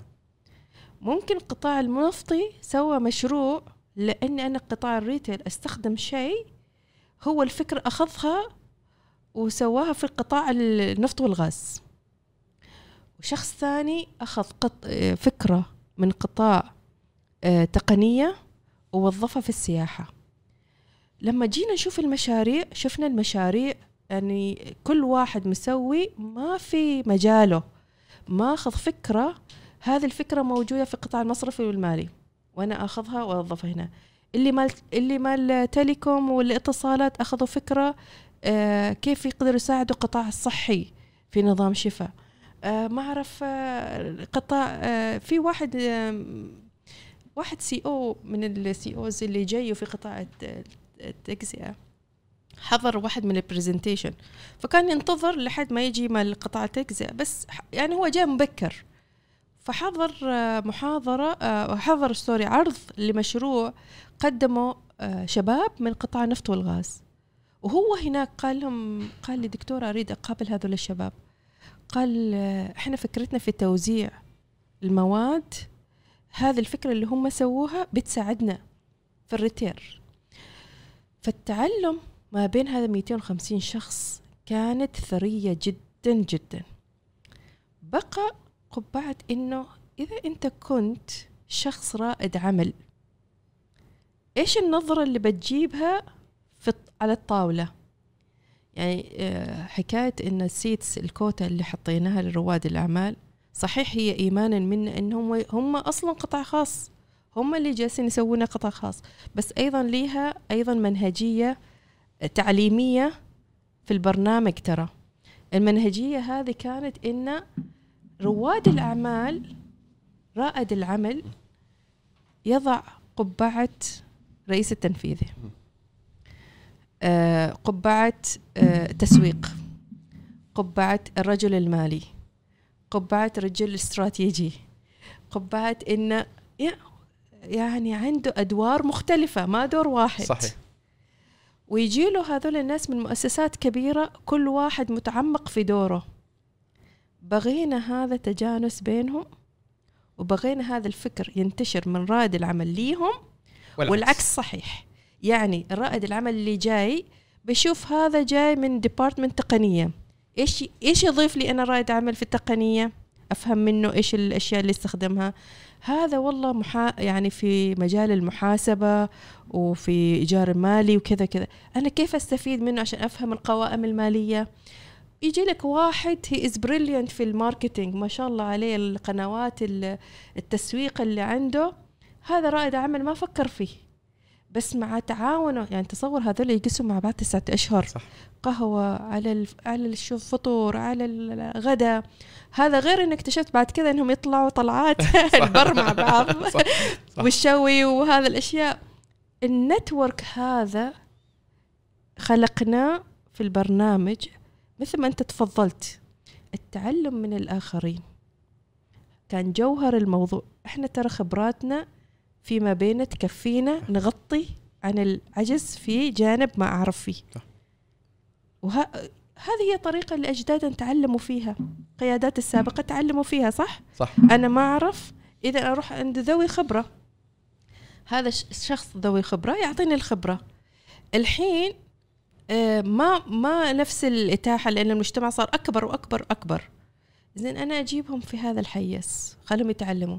حتى لو لاحظت عبد الله أنا استخدمت استراتيجية مختلفة لما وديناهم للجبل تخييم. ما خليناهم في نفس المجموعات. سويناها مجموعات مفتوحة. صح. ليش؟ خلاص أنا مثلا إحنا 40 شخص مع عبد الله أنا أعرف عبد الله بس الحين أريد أتعرف على الناس ثانيين موجودين في البرنامج غير عبد الله. حتى لو شفت meet the leader لقاء القائد فتحناها للكل. أنا ما أشوف عبد الله في هذا ال في ال في التدريب. أشوفه في الجبل. ما أشوفه في الجبل أحضر مال ال class. فكل مرة أنت تلتقي مجموعة أخرى فكر مختلف. ناس مختلفين عنك. تاخذ من هذا خبرة تاخذ من هذا خبرة. تتشكل عندك رؤية جديدة للموضوع. أنا كذا آه، تأكد أن الأفكار القيادية اللي موجودة عند هؤلاء الأشخاص راحت لرائد العمل والعكس صحيح. في ناس من هذه المؤسسات الكبيرة يقول لك والله أنا الحين تأثرت بفكر رائد العمل. هو ما يفكر من منظور واحد. بتقول منظور عن طريقة التقنية بيقول لك لا بس أنا عندي قوائم المالية أنا عندي التزامات أنا عندي regulations معينة ما أعرفها. والشخص اللي في شركة يقول لك regulation ترى أصحاب العمل يتعاملوا معاه. وأنا ما معني. أنا معني بال department اللي عندي قسم اللي عندي. لكن شافوا رائد العمل يعنيه. لأنه أي policy موجود في عمان أي regulation موجود يتأثر منه رائد العمل. هذا التفاهم وهذا التجانس كان جدا مهم. لأنه في نهاية المطاف هم customers مالك عبد الله صح؟ صح. بالنسبة لك هذه المؤسسات وهذه الجهات هي اللي تدعم هذا رائد العمل. صحيح. وهي اللي يعني أنا متأكدة أنا ما أعرف عبد الله أكيد أنت تعرف أكثر مني. بعض بعد البرنامج يمكن هذا العشرين أو خمسة وعشرين رائد عمل اللي كانوا موجودين آه، التعامل الشركات الكبرى معهم صارت مختلفة. لا دكتور صارت صفقات بعد ما خلصنا صار توظيف وصار صفقات وصارت أمور كثيرة إن شاء الله. ان أنا خلاص الحين عرفت فكرة عبد الله. الحين أنا واثق إنه هو مو- موجود في هذا ال business X مثلا. اذا هو الخبير في الموضوع من كل جوانبه. فثقتي فيه خلتني أتعامل معاه من مؤسسة لمؤسسة. ترى القيادات ما على شخص. القيادات ليها مثل ما يقول ripple effects لا؟ صح. فلازم يكون الأثر ليها مجتمعي ما تكون فقط فردي تكون على المجتمع. زملاء مؤسسات على المجتمع ككل. أنت هنا تبني مثل ما إحنا نقول ecosystem للاقتصاد في عمان عن طريق عقليات قيادية شابة موجودة بس ما في نفس القطاعات وفي ما في نفس الحيز. فهذه كانت فلسفة استراتيجية مدروسة جدا في هذا البرنامج. بعد في مبدأ جديد كان عليه دكتورة وسمحي لي أناقشك فيه. موضوع ال coaching. ال coaching أو التدريب آم، نحن ما كمجتمع عماني يمكن ككل ما نعرف عنه حقيقة. صحيح. ويعني تعرفي ال coaching يعتبر كأنه طبيب نفسي أو موجه لك صحيح. أو المدرب. موضوع التدريب كان الناس تستخسر مثلا جلسة تدريب 20 ريال أو 30 ريال أو مثلا 12 جلسة ب 100 ريال ايا كان المبلغ. الناس ما عندنا استيعاب حقيقي ذا الموضوع مثلا أنا أعرف شخص الحين تعرفت عليه بس لما بديت أدخل في موضوع ال coaching في حد أعرفه من آه، الجهاز الحكومي يقول عندي coach في المواضيع العائلية النفسية التحديات صحيح. اليومية.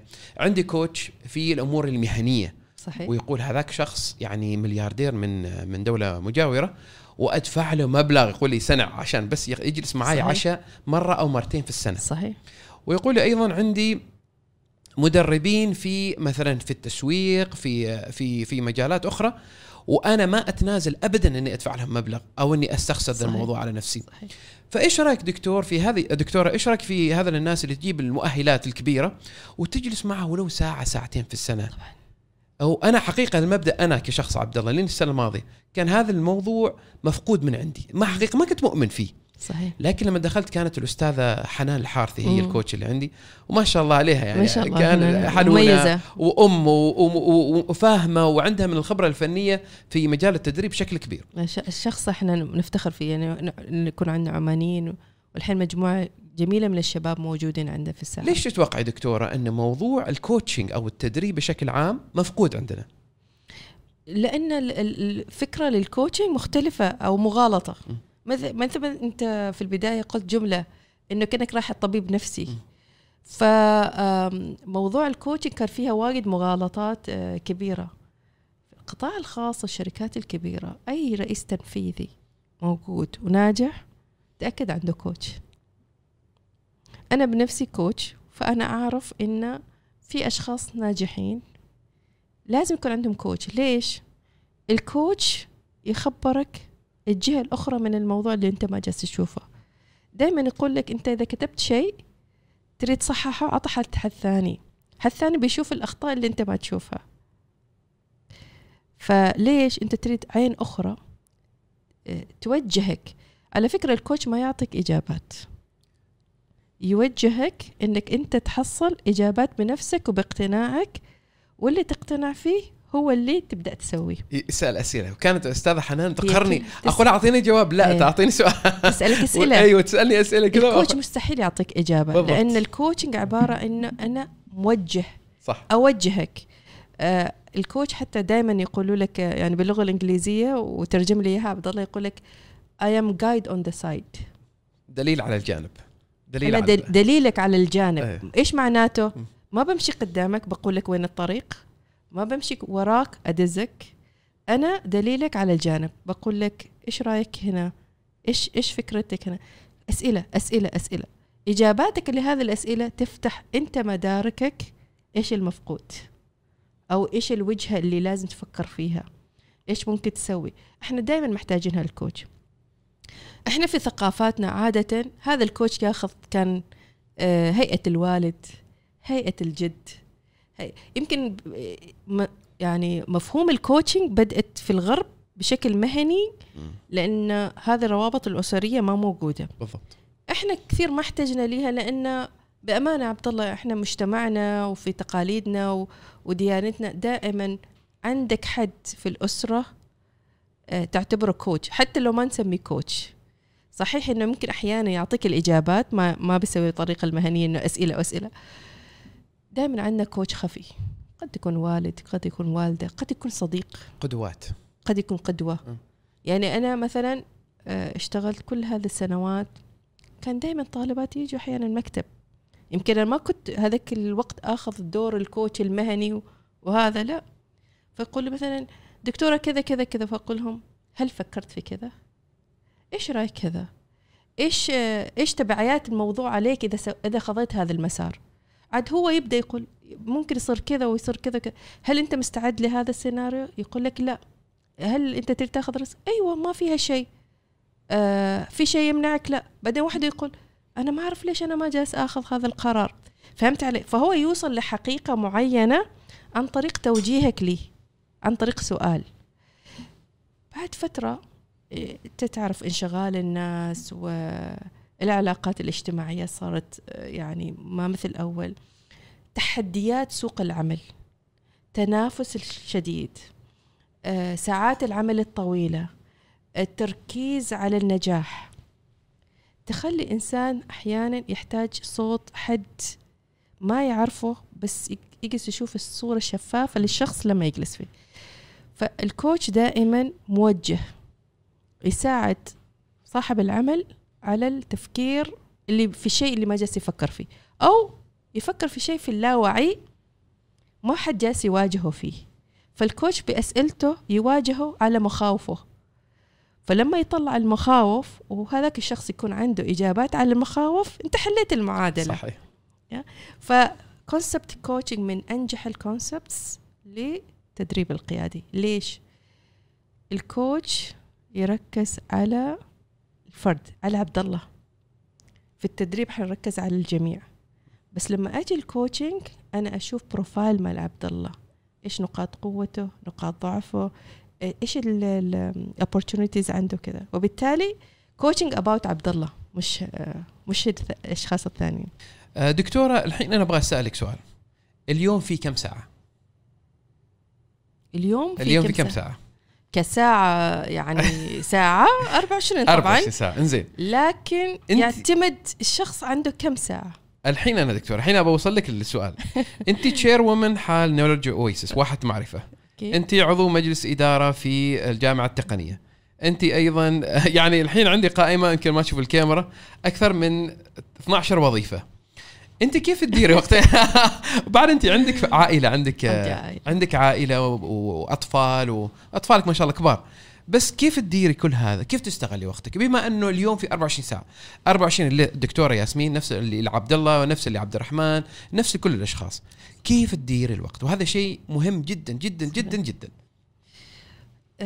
هو نفس ال concept إنك كيف تدير أنا ممكن أعطي عبد الله 25 ريال وياسمين تاخذ 25 ريال. ممكن عبد الله يصرفها على كوبين coffee في كوفي شوب وراح ورد 25 ويمكن ياسمين استثمرت هذا 25 في 25 مكان. كل مكان بالريال. بس محسوبة. فهمت علي؟ هي نفس الكونسبت هذه 24 ساعة عبارة عن رصيد عندك في اليوم. أنت كيف تستغلها؟ هذا يعتمد على أولوياتك. يعني أنا كل يوم صباح لي أولوية. قد يكون اليوم أولويتي 80% العائلة و20% العمل. قد يكون عندي اليوم آه، مجلس إدارة وبالتالي أولويات بين العمل ومجلس الإدارة والبيت تغيرت. صارت النسبة مختلفة الريالات تغيرت هنا. في يوم آخر آه يعني عبد الله في أيام مرت علي قد أرجع البيت. أنا عندي طفلة صغيرة أيضا خمس سنوات. آه طبعا عندي أولاد الكبار بس عندي أيضا الأطفال. في أيام مرت علي آه في the peak عمليات. أتذكر مرة إن طفلتي يمكن يومين ما شفتها. يعني أدخل البيت وهي already نايمة وأطلع وهي already نايمة. لكن دائما عندي سياسة التعويض ال- الجاد والفعلي. شفت هذا اليومين؟ بطلعهم أربعة أيام يمكن معاها فقط. ف هي عملية توازن أنت تخلقها. بمعادلة آه، تقدر أنت تتمكن فيها. أنا دائما أقول لا تاخذ أكثر من أنت تقدر تاكل. يعني لا تعبي الصحن أكثر من أنت. كم تقدر تاكل؟ هو هذاك اللي تحطه في الصحن واحدة من الاستراتيجيات اللي تعلمتها يمكن متأخر في حياتي بس تعلمتها إني أخذ قرارات إني أقول لأ. يعني أنا في هذه قبل سنة هذه السنتين استقلت من أرب من ثلاث مجالس آه، إدارة أو أمناء يعني. قرارات أخذتها لأنه إيش أقدر أدير؟ وإيش أقدر أكون موجودة فيه؟ وإيش أن حاسة الفترة القادمة أريد أحط فيها وقتي وجهدي وفكري يعتمد. لكن في بعض الملفات أنت تثق فيها. ملف التعليم بالنسبة لي ملف حساس. فصحيح يمكن أنا طلعت من قطاع التعليم العالي بس ما زلت في مجالس آه، بعض الجامعات وكليات وكذا. فأيضا وين أريد أحط جهدي؟ فردا على سؤالك عبد الله يرجع في الآخر إيش أولوياتك في. هذه الفترة؟ ما في شيء ما ممكنة. أنا عندي شركة أديرها. أحيانا ممكن يوم السبت آه ثلاث أربع ساعات صباح أجلس فيها بس بالتركيز. بدون أي هذا أخلي استراتيجيات وأعطي direction للناس اللي اللي يعملوا فيها وكذا وخلاص انتهى الموضوع. يمكن أحيانا ما ما ما أرجع لها إلا الأسبوع اللي بعديه. بس أعرف خلاص إن أنا أعطيت التوجهات و direction أيضا هذا البوردز نولج عمان آه، منصة آه، أيضا اجتماعية آه، بقصد نشر الوعي والمعرفة. أحاول أيضا أسوي دوري كرئيسة النولج عمان طبعا في ناس الرئيس التنفيذي موجود موجودة طبعا الأخت بلقيس وقائمة بالعمليات. فأنا ما اضطر أدخل في العمليات. فلما يكون إنسان عارف الدور اللي يلعبه إيش يريد في هذا الدور؟ أيضا كدوري كأم كزوجة كإبنة لي أدواري. يعني أنا عبد الله الأسبوع الماضي مثلا ما كنت في الدوام ما كنت في الشركة ما كنت في مكان. كان عندي الوالد مريض. فكنت معاه في المستشفى. ثلاثة أيام. هذاك دوري الأساسي. في هذاك ثلاثة أيام كونه هو يتعرض لوعكة صحية دوري كان إني أكون موجودة هناك ما أتحرك. فهمت علي؟ فيختلف أدواري حسب إيش البرايورتي عندي؟ إيش الأهمية عندي؟ صدقني ما يعني أنا ما حسيت إنها تحدي ما أعرف. كثير من الناس يسألوها سؤال وأنا أستغرب لأن أنا أحسها ما ما تحدي إذا أنت عرفت توازن المعادلة هذه يعني. يعني في ناس كثير قالوا لي أنت كيف أم كيف توفقي حياتك الأسرية وكيف هذا؟ طبعا ما في شيء مثالي. ما في شيء بيرفكت وأنا دائما أقول أنا ربنا حباني يعني بنعمة إلهية كبيرة إن الوالد والوالدة دائما السند اللي موجود في المنزل اللي يعني يغطي الجانب اللي أنا ما أغطي أحيانا بغيابي فهمت علي؟ يعني عبد الله في خلال فتراتي المهنية وكذا جاتني بعض المهام بالأشهر خارج البلد آه بالسنوات يعني مثلا أنا لما كنت أسوي دكتوراه محمد كان سنة ونص الحين 20 سنة بس هذاك الأيام سنة ونص.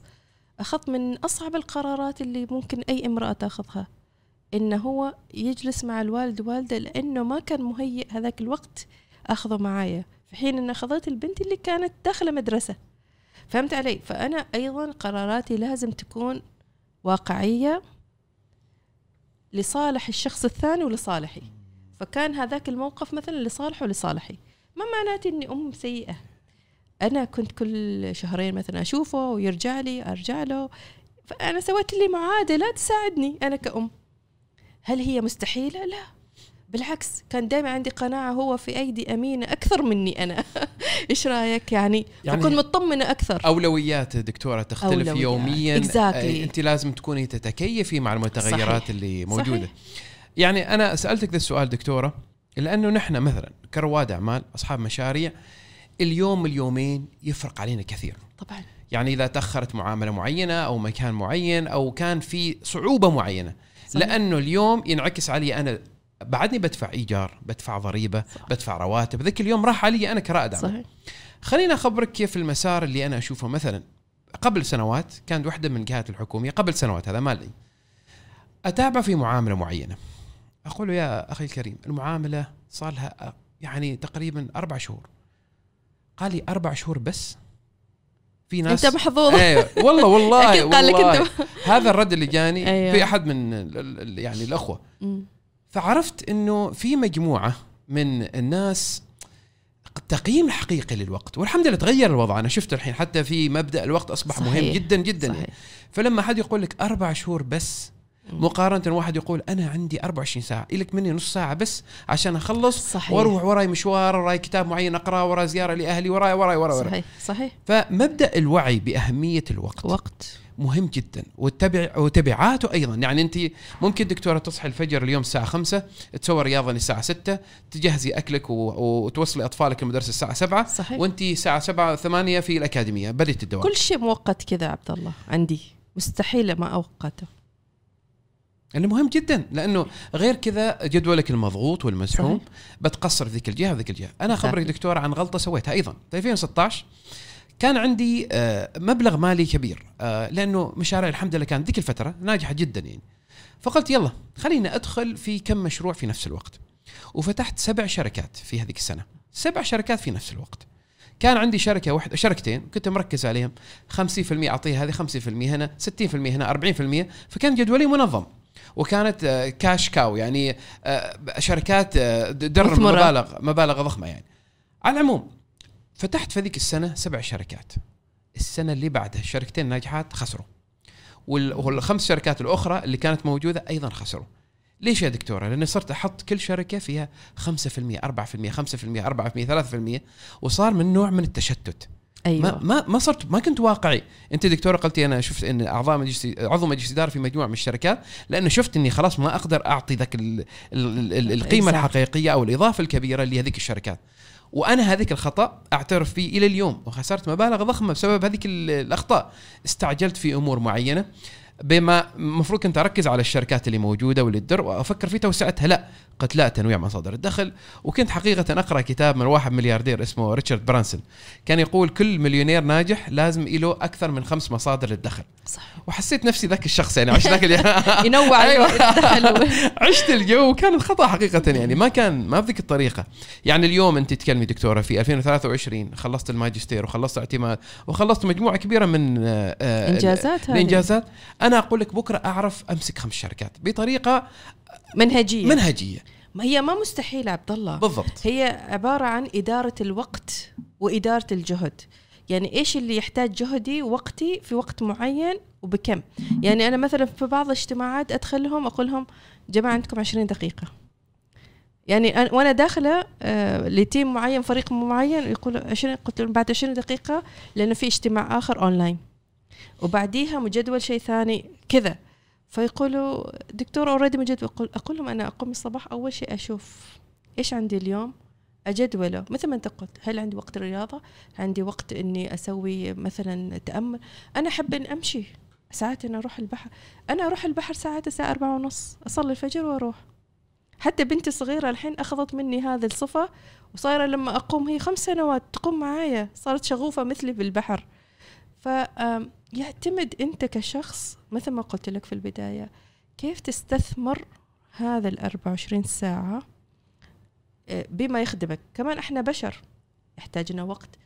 آه، يعني أنت تستغرب عبد الله أنا عندي وقت أطلع السينما مع صديقاتي. شهريا أنا عندي اجتماع مع أصدقاء اللي كانوا معي في الجامعة.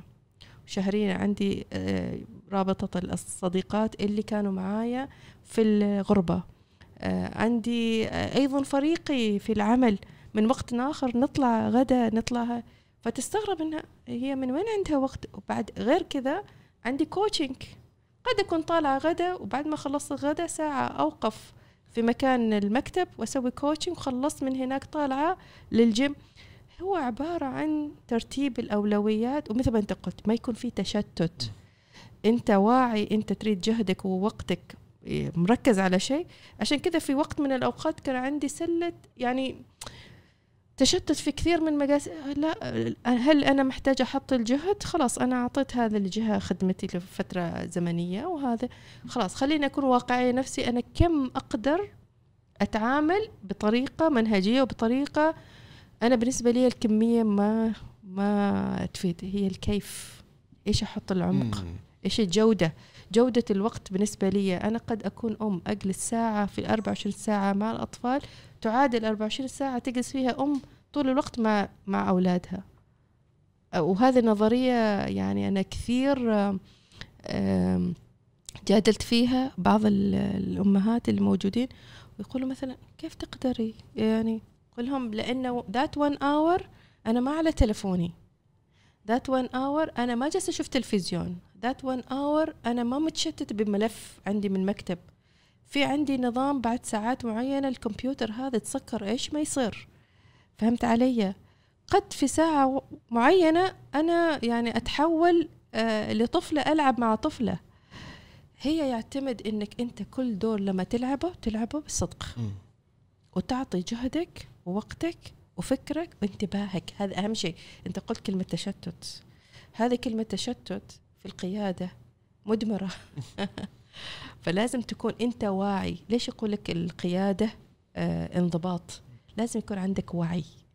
وأكثر تحدي في القيادة قيادة الوقت. صح. time management إحنا دكتورة عندنا مشكلة حقيقة كمجتمع عربي. إيه. ما نعرف نقول لا. طبعا. أنا كنت الحين بقول لك إن إحنا شعب عاطفي وشعب آه نستحي يعني نستحي نقول بالضبط. نقول لا أو إنه يا جماعة اعذروني. يعني أي مناسبة اجتماعية لازم أحضرها. آه للعلم عبد الله أنا ما كل مح... يعني مناسبة اجتماعية أقدر أحضرها. أحيانا أقول لهم آسفة يا جماعة أنا عندي ارتباط هذا الويكند لشيء معين للعائلة.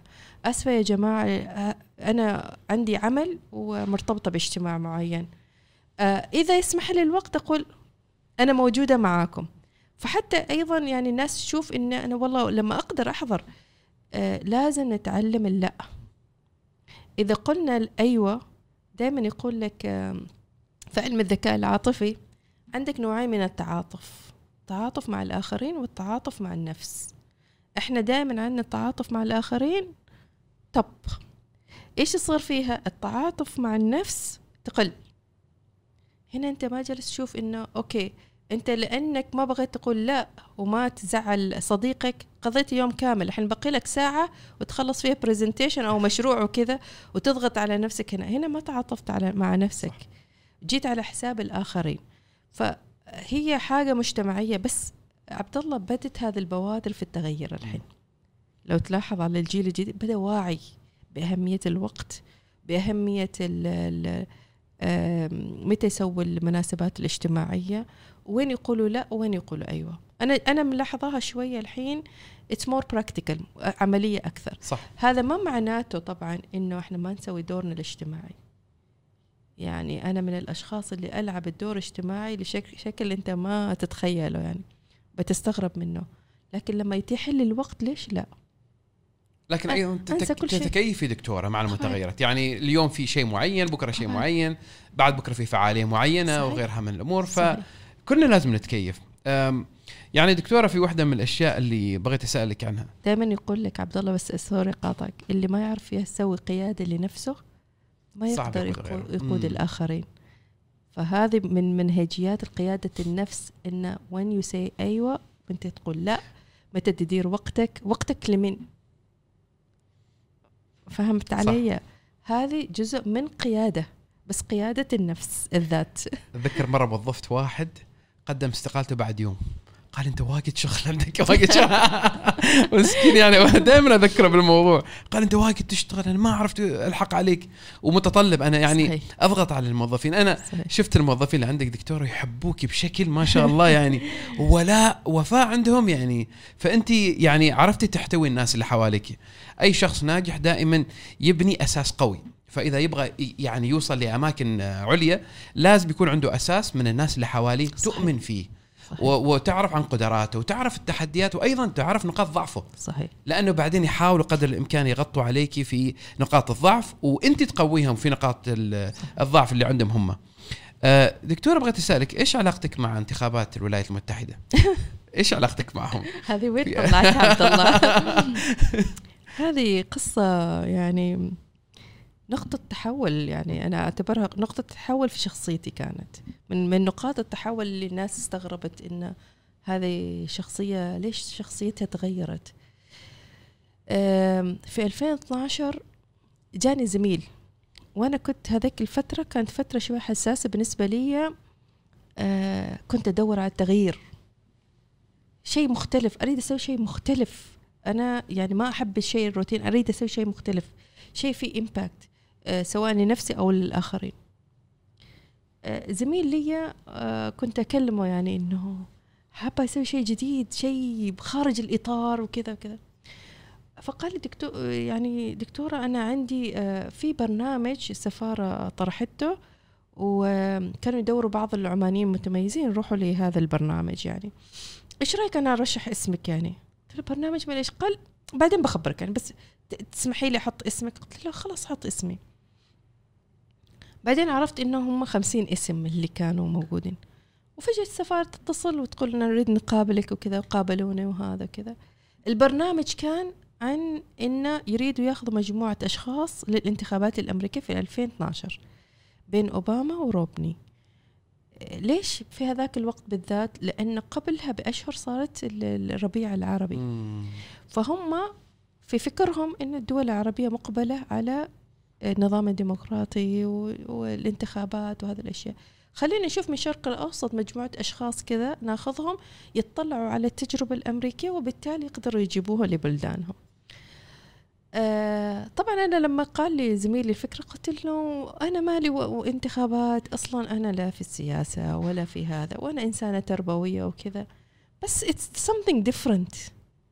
كنت أقول له it's something different يعني. تجربة جديدة يعني. وتجربة جديدة لأنها تجربة ما في حيزي أبدا. أنا أصلا ما أفهم في هذا الملف أي شيء أصلا. ولأني ما أفهم أوكي I want, I want to give it a try يعني. وطبعا تم اختياري. آه، من الخليج كنا ثلاثة كان عندنا زميل من الكويت وكنا شخصين من من عمان. شخصين من عمان.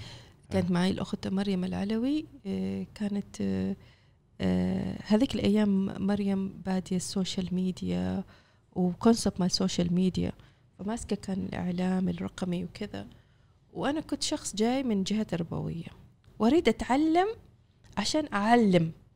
يعني أنا حاطة في بالي هدف ما أعرف. فخلني أروح أعرف عشان بكرة أقدر أعلم. يمكن أقدر أعلم الناس عن التج... من هذه التجربة شيء كذا وفعلا هذا اللي حصل بعدين. المهم آه، تم اختيارنا. قدمت الملف طبعا لرؤسائي وقدموها أيضا لجهات الأمنية وناخذ فيها ال- الم- الموافقات لأن كانت تجربة أيضا تدرى يحتر تجربة سياسية آه، مع دولة كبيرة في العالم كذا. طبعا البرنامج كان عبارة عن شهرين وشيء. أنت تروح أول شيء آه، أول الأسابيع إحنا اجتمعنا ال11 طبعا من كل الدول الشرق الأوسط. ال11 غيري أنا ومريم البقية كلهم في القطاع السياسي. يعني اللي يشتغل في الكابينت الرئاسة التونسية أو اللي يشتغل في مجلس الأمة الكويت أو اللي يشتغل في ال- البرلمان المصري. يعني نتحدث أه؟ وأنا ومريم ما جاي من هذه الخلفية. كل واحد لنا خلفية إعلامية وواحده تربوية تعليمية بحتة. فرحنا هذه التجربة حاولنا نتعلم.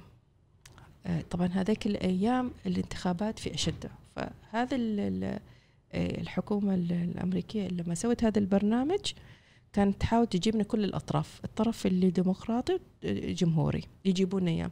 مثلا فريق التسويق هذا اللي كيف يسوي تسويق هذا اللي كيف يسوي تسويق. فريق المالي فريق الاستراتيجي فريق كذا الجمعيات التطوعية آه، كيف العمليات تشتغل فيها وكذا. فإحنا قضينا أول يمكن ستة سابع نتعلم. نتعلم منهجيات في واشنطن دي سي. وكنا نروح نلتقي مع senators مثلا و أعضاء مجلس الشيوخ الأمريكي. أمر- مجلس شيوخ أمريكا السابق والحالي. مم. في بعض منهم كانوا سابقين في حاليا. أحيانا لانش مع فلان واحيانا دينر مع فلان. ونتعلم مع كل حد برسبكتيف ماله لشيء معين يعني. كان من ضمن الأشياء إن بعد هذه الفترة تتفرقوا. كل واحد يروح لكامب.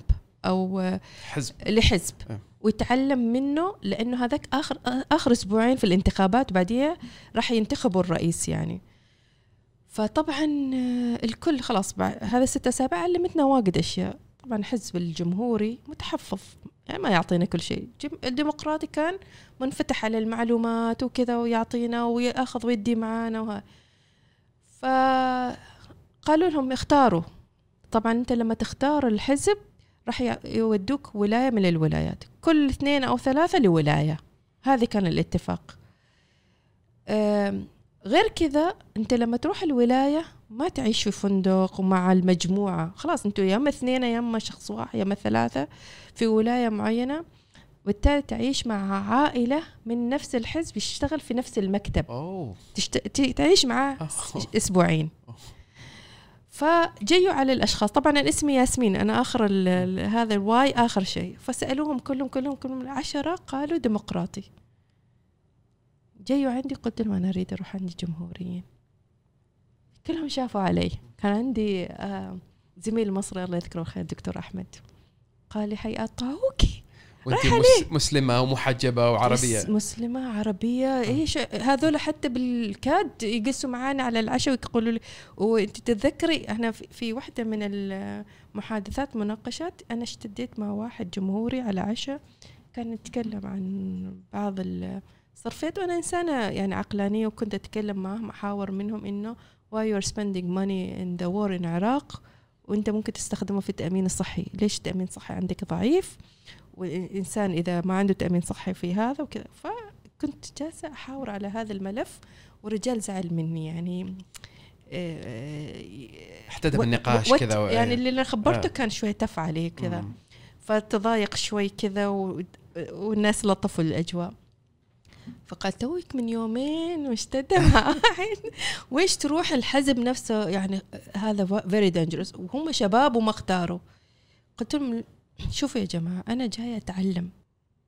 وهذول ما تعلمت منهم. فأروح لحد عندهم دارهم أتعلم. هذا الطريقة الوحيدة. هذا هذه فلسفتي هذه منهجيتي في الحياة. تتذكر لما البانكينج قلت لهم أنا ما أعرف أتكلم لغتهم. عشان أتكلم لغتهم أخذ هذيك الشهادة المهنية مهما كانت صعبة. هي كانت نفس الفلسفة ترى. أه وأصريت قالوا أنت الوحيدة اللي اخترتي جمعة وبالتالي إحنا نطرشش ولا بس بتكون وحدك. قلت ما عندي مشكلة وحدي. قالوا بتعيشي مع عائلة. قلت ما عندي مشكلة. أه أنا خذيت التحدي على نفسي. يا أما أنا أتعلم يا أما أنا فقدت الهدف اللي جيت لي. فالمهم آه، طرشوني بنزلفانيا ورحت بن ستيت واشتغلت في مكتب آه، للحزب الجمهوري. وكان تحت إشراف ابن رومني. كان يجينا المكتب طبعا المكتب مكاتب ال- ال- الانتخابات هناك مكاتب مفتوحة. و ميت رومني يا إخواني بس هو المرشح كان الجمهوري اللي ينافس باراك أوباما في سنة 2012 قبل ترامب. الحمد لله كان قبل ترامب. قبل ترامب. أيوه نفس الحزب رومني ملياردير وإنسان نعم. ثري جدا و... وعنده كان مجموعة من الكفاءات. وخريج هارفرد. و فأول يوم رحت المكتب طبعا كلهم استغربوا. آه، فهي مديرة المكتب قالت لهم هذه جاية من ال state government يعني جاية من الحكومة وجاية تطلع على الخبرة طبعا الكل حد متحفظ. وهذاك المجتمع شوية كلهم white يعني وكلهم الجمهوريين ال- هذا البحث طبعا أنا عشت مع عائلة آه، كانوا محامين لريجن بوش the father بوش الإبن. وبعدين كانوا هم اللي من الناس اللي كثير آه، آه، في هذا يعني مكتب اللي تابع للانتخابات هذا الحزب. فعشت معاهم يعني محامي والزوجة محامية وعندهم أولاد. البنت كانت من ضمن الفريق اللي اشتغل في المكتب. فهي سوت لي استضافة في عندهم في المنزل. لازم حد يستضيفنا من هذاك الحزب. فهم سووا لي استضافة للعلم هذه العائلة صديقة لي لحد اليوم يعني. و- وحضرت هذا البنت في عمان وسكنت معانا يعني. فأنا أقول لك كيف القصة بدأت يعني. طبعا أول يوم رحت المكتب الناس متحفظة مني جدا ما يكلموني. الحين من ضمن الشروط إني أشتغل في المكتب من تسعة لخمسة وبعدين أرجع. وأطلع على التجربة. زي كيف أطلع على التجربة؟ وأنا جالسة وأحاول وأشوف أعطوني شغل أسوي شيء بس إنه let's see what we can give you. وبس أجلس وما حد يكلمني. إلا هذه المديرة إذا تفضى تيجي وها did you eat something أكلتي شيء؟ أجيب لك شيء. ثاني يوم نفس الشيء جلست وأقرأ ملفات أقرأ أشياء وأطلع عليهم إيش جالسين يسووا. إنزين جيت يوم الثاني يعني احبط في الليل عاد اتصلت في زميلي أحمد قلت له شكلي أنا بغير. هم معطينا القرار إذا حبيتوا ما ارتحتوا كذا اتصلوا وإحنا بنغير لكم. قلت له يا أحمد خلاص أنا بجي عندكم كارولاينا هذول الجماعة فعلا يعني انتفوا ما راضين حتى يتكلموا معاي يعني. قال لي زين خلاص قلت له خلاص بكلمهم المكتب في واشنطن ويعيدوا إعادة يعني هذا تعييني في مكان ثاني. سبحان الله كان داخل وقت صلاة العشاء ورحت أصلي. هذا من ضمن الذكاء العاطفي يقول لك لما أنت تكون تحت اختطاف عاطفي ما تفكر صح. لما رحت صليت ورجعت اتصلت في أحمد قلت له أحمد ماني جاية. قال لي إيش صار؟ قلت له خلاص عندي استراتيجية. قال استراتيجية؟ إيه حيقطع قلت له ما عندي استراتيجية خلاص. رحت يوم ثاني جلست اكتشفت إن الناس اللي يشتغلوا في المكتب أغلبهم متقاعدين كبار سن. لأن المكاتب هذه ما تدفع. Is voluntary work. عمل تطوعي. عمل تطوعي. فكانت في وحدة تيجي كل بسقايتها مال ما أعرف كيف وكان عمرها سبعين سنة وتيجي ومسكينة تسوي مكالمات الهاتفية. إنه إحنا من حزب رومني تعطونا أصواتكم وأحاول أقنعكم على التلفون. هذا سوا فجلست جنبها. يوم بغت تقوم عشان الكوفي قلت لها can I get you coffee أنا رايحة أجيب coffee جبت لها ال coffee. طبعا هاي كانت من ضمن خطتي. قالت والله انت إنسانة لطيفة. قلت لها قالت لكن إحنا متحذرين من الناس اللي جاي من من العالم العربي. لأن أنتم كذا وكذا والإعلام سمعنا عنكم كذا كذا. فأنا داخله سايكولوجي أنا الحين هنا لما يجي لك اللي تعلمته في يدك. قلت له نفس الشيء. فأنا رديت الصاع بصاعين طبعا من يومين اللي عشت فيها مع مع الأسرة تعلمت إن الحزب الجمهوري حزب محافظ مثلهم مثل العرب. لا تجيهم في القيم لا تجيهم في الأسرة لا تجيهم في الأخلاقيات. ترى صحيح إحنا نختلف معاهم في وجهة نظر إعلاميا لكن لما تعيش معاهم هم محافظين أكثر من الديمقراطيين. يعني يشبهوا العرب ترى في واجد أخلاقياتهم dinner together ولازم هذا والأسرة لازم تكون متماسكة وما أعرف إيش. يعني رهيب صراحة يعني كان بالنسبة لي اكتشاف رهيب. فأنا رديت reverse psychology في هذاك الجانب. طبعا زعلت وزعلت الحرمة وكذا قلت لها خلينا نتكلم. بديت أتكلم.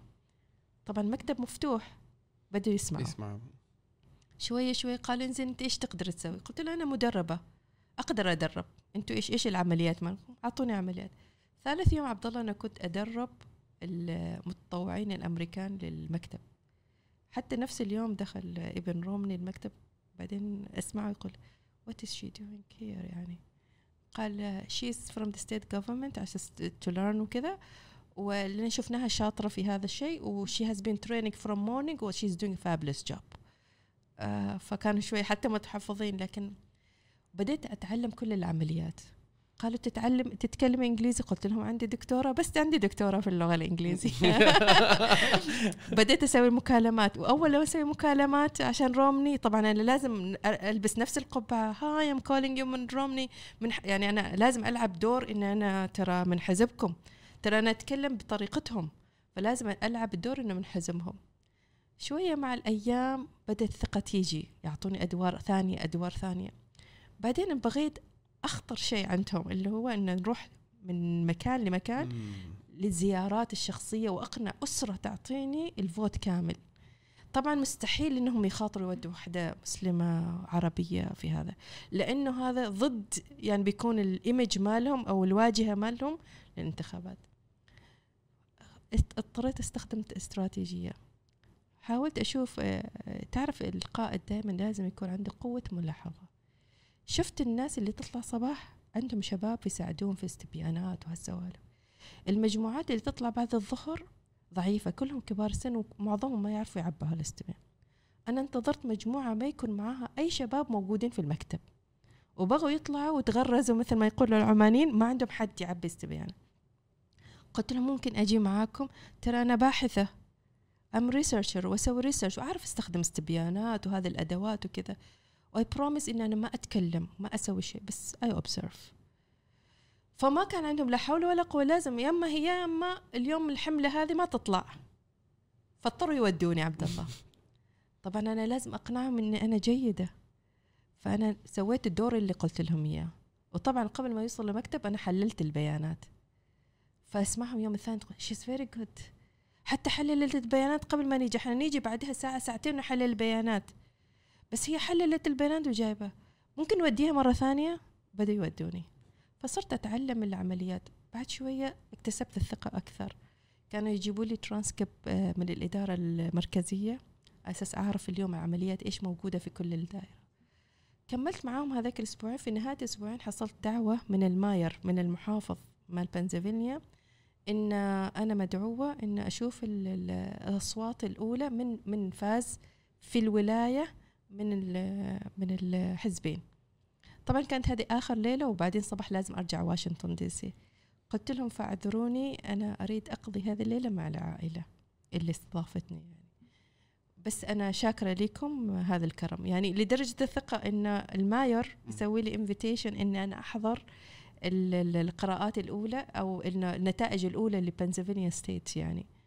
فكان بالنسبة لي شيء كبير يعني. بعدين رجعنا واشنطن دي سي وطبعا كان في مؤتمر ل 84 دولة والسفارة العمانية كانت موجودة وعرضنا تجاربنا وكذا.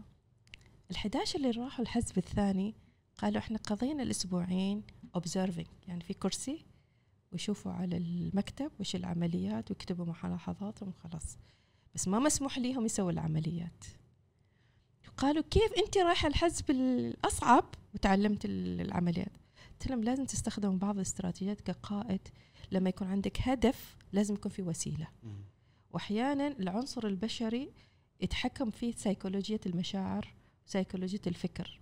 If you know يعني كيف إنك تتعامل مع هذيك السيكولوجيه كل شيء ممكن. فقالوا إنزين أعرضي علينا تجربة لأن هذا العشرة ما عرفوا إيش اللي هي العمليات. فعرضت عليهم كل العمليات اللي يحتاج لها الانتخابات هذاك الفترة. فاستغربوا جدا يعني انه كيف سمحوا لي إن أتعلم. قلت له هي عبارة عن علاقات وبناء جسور الثقة ولما هم يعرفوا إنه هذا الانسان قد الثقة يقدروا يعطوا. فأنا جاي لأتعلم فتعلم رجعت من هذه التجربة شخص آخر. لأن كانت أكبر مخاوفي إني أدخل في مجال ما أعرفه. وهذا كان مجال أنا ما أعرفه. عشت مع العائلة إعصار ساندي. عشت مع عائلة ثلاث أربعة أيام ما في كهرباء ولا ماي والبرودة قاتلة. يعني مساكين كانوا يدورون مكان فيه generator عشان شوية ماي ساخن. أحيانا أتوظف. يعني you know like they really supported me. تعلمت حتى بتضحك علي. كيف أتعامل مع الكلب اللي موجود عندهم في البيت؟ أنا أول ما دخلت شفت عندهم كلبين كبار في البيت كنت أتقحم على السوفا كنت أخاف الكلاب. آه، رب الأسرة علمني كيف أروض هذاك الكلب لأنه إذا عرف إن أنا أخاف بيكون شرس أكثر معي وإذا عرف إن أنا ما أخاف آه، قال they feel your fear. فعلمني كيف أتغلب على الخوف أن أتعامل مع هذاك الكلب. فتعرف هذه هذا هذا ال bits هذه الجزئيات حسيت إن لما رجعت من هناك وإعصار وتبهدلنا هناك هذيك الأيام وإني أروح حزب والله و... و... تصور إن ليلة من الليالي طلبت منهم إن أنا أريد أشوف شيء اسمه رالي. لكن رالي مال هذاك الحزب ما كان فيه. وكان جاي آه، بيل كلينتون على أساس يسوي رالي لأوباما في Penn University الحزب من كثر ما حبوني ودوني رالي للحزب الثاني عشان بس إني أفهم إيش الرالي الرالي طبعا مثل مثل مجمع كذا ويجيبوا الناس فيه ويكون حد آه، كرئيس سابق أو كذا يجي ويقول الكلمة.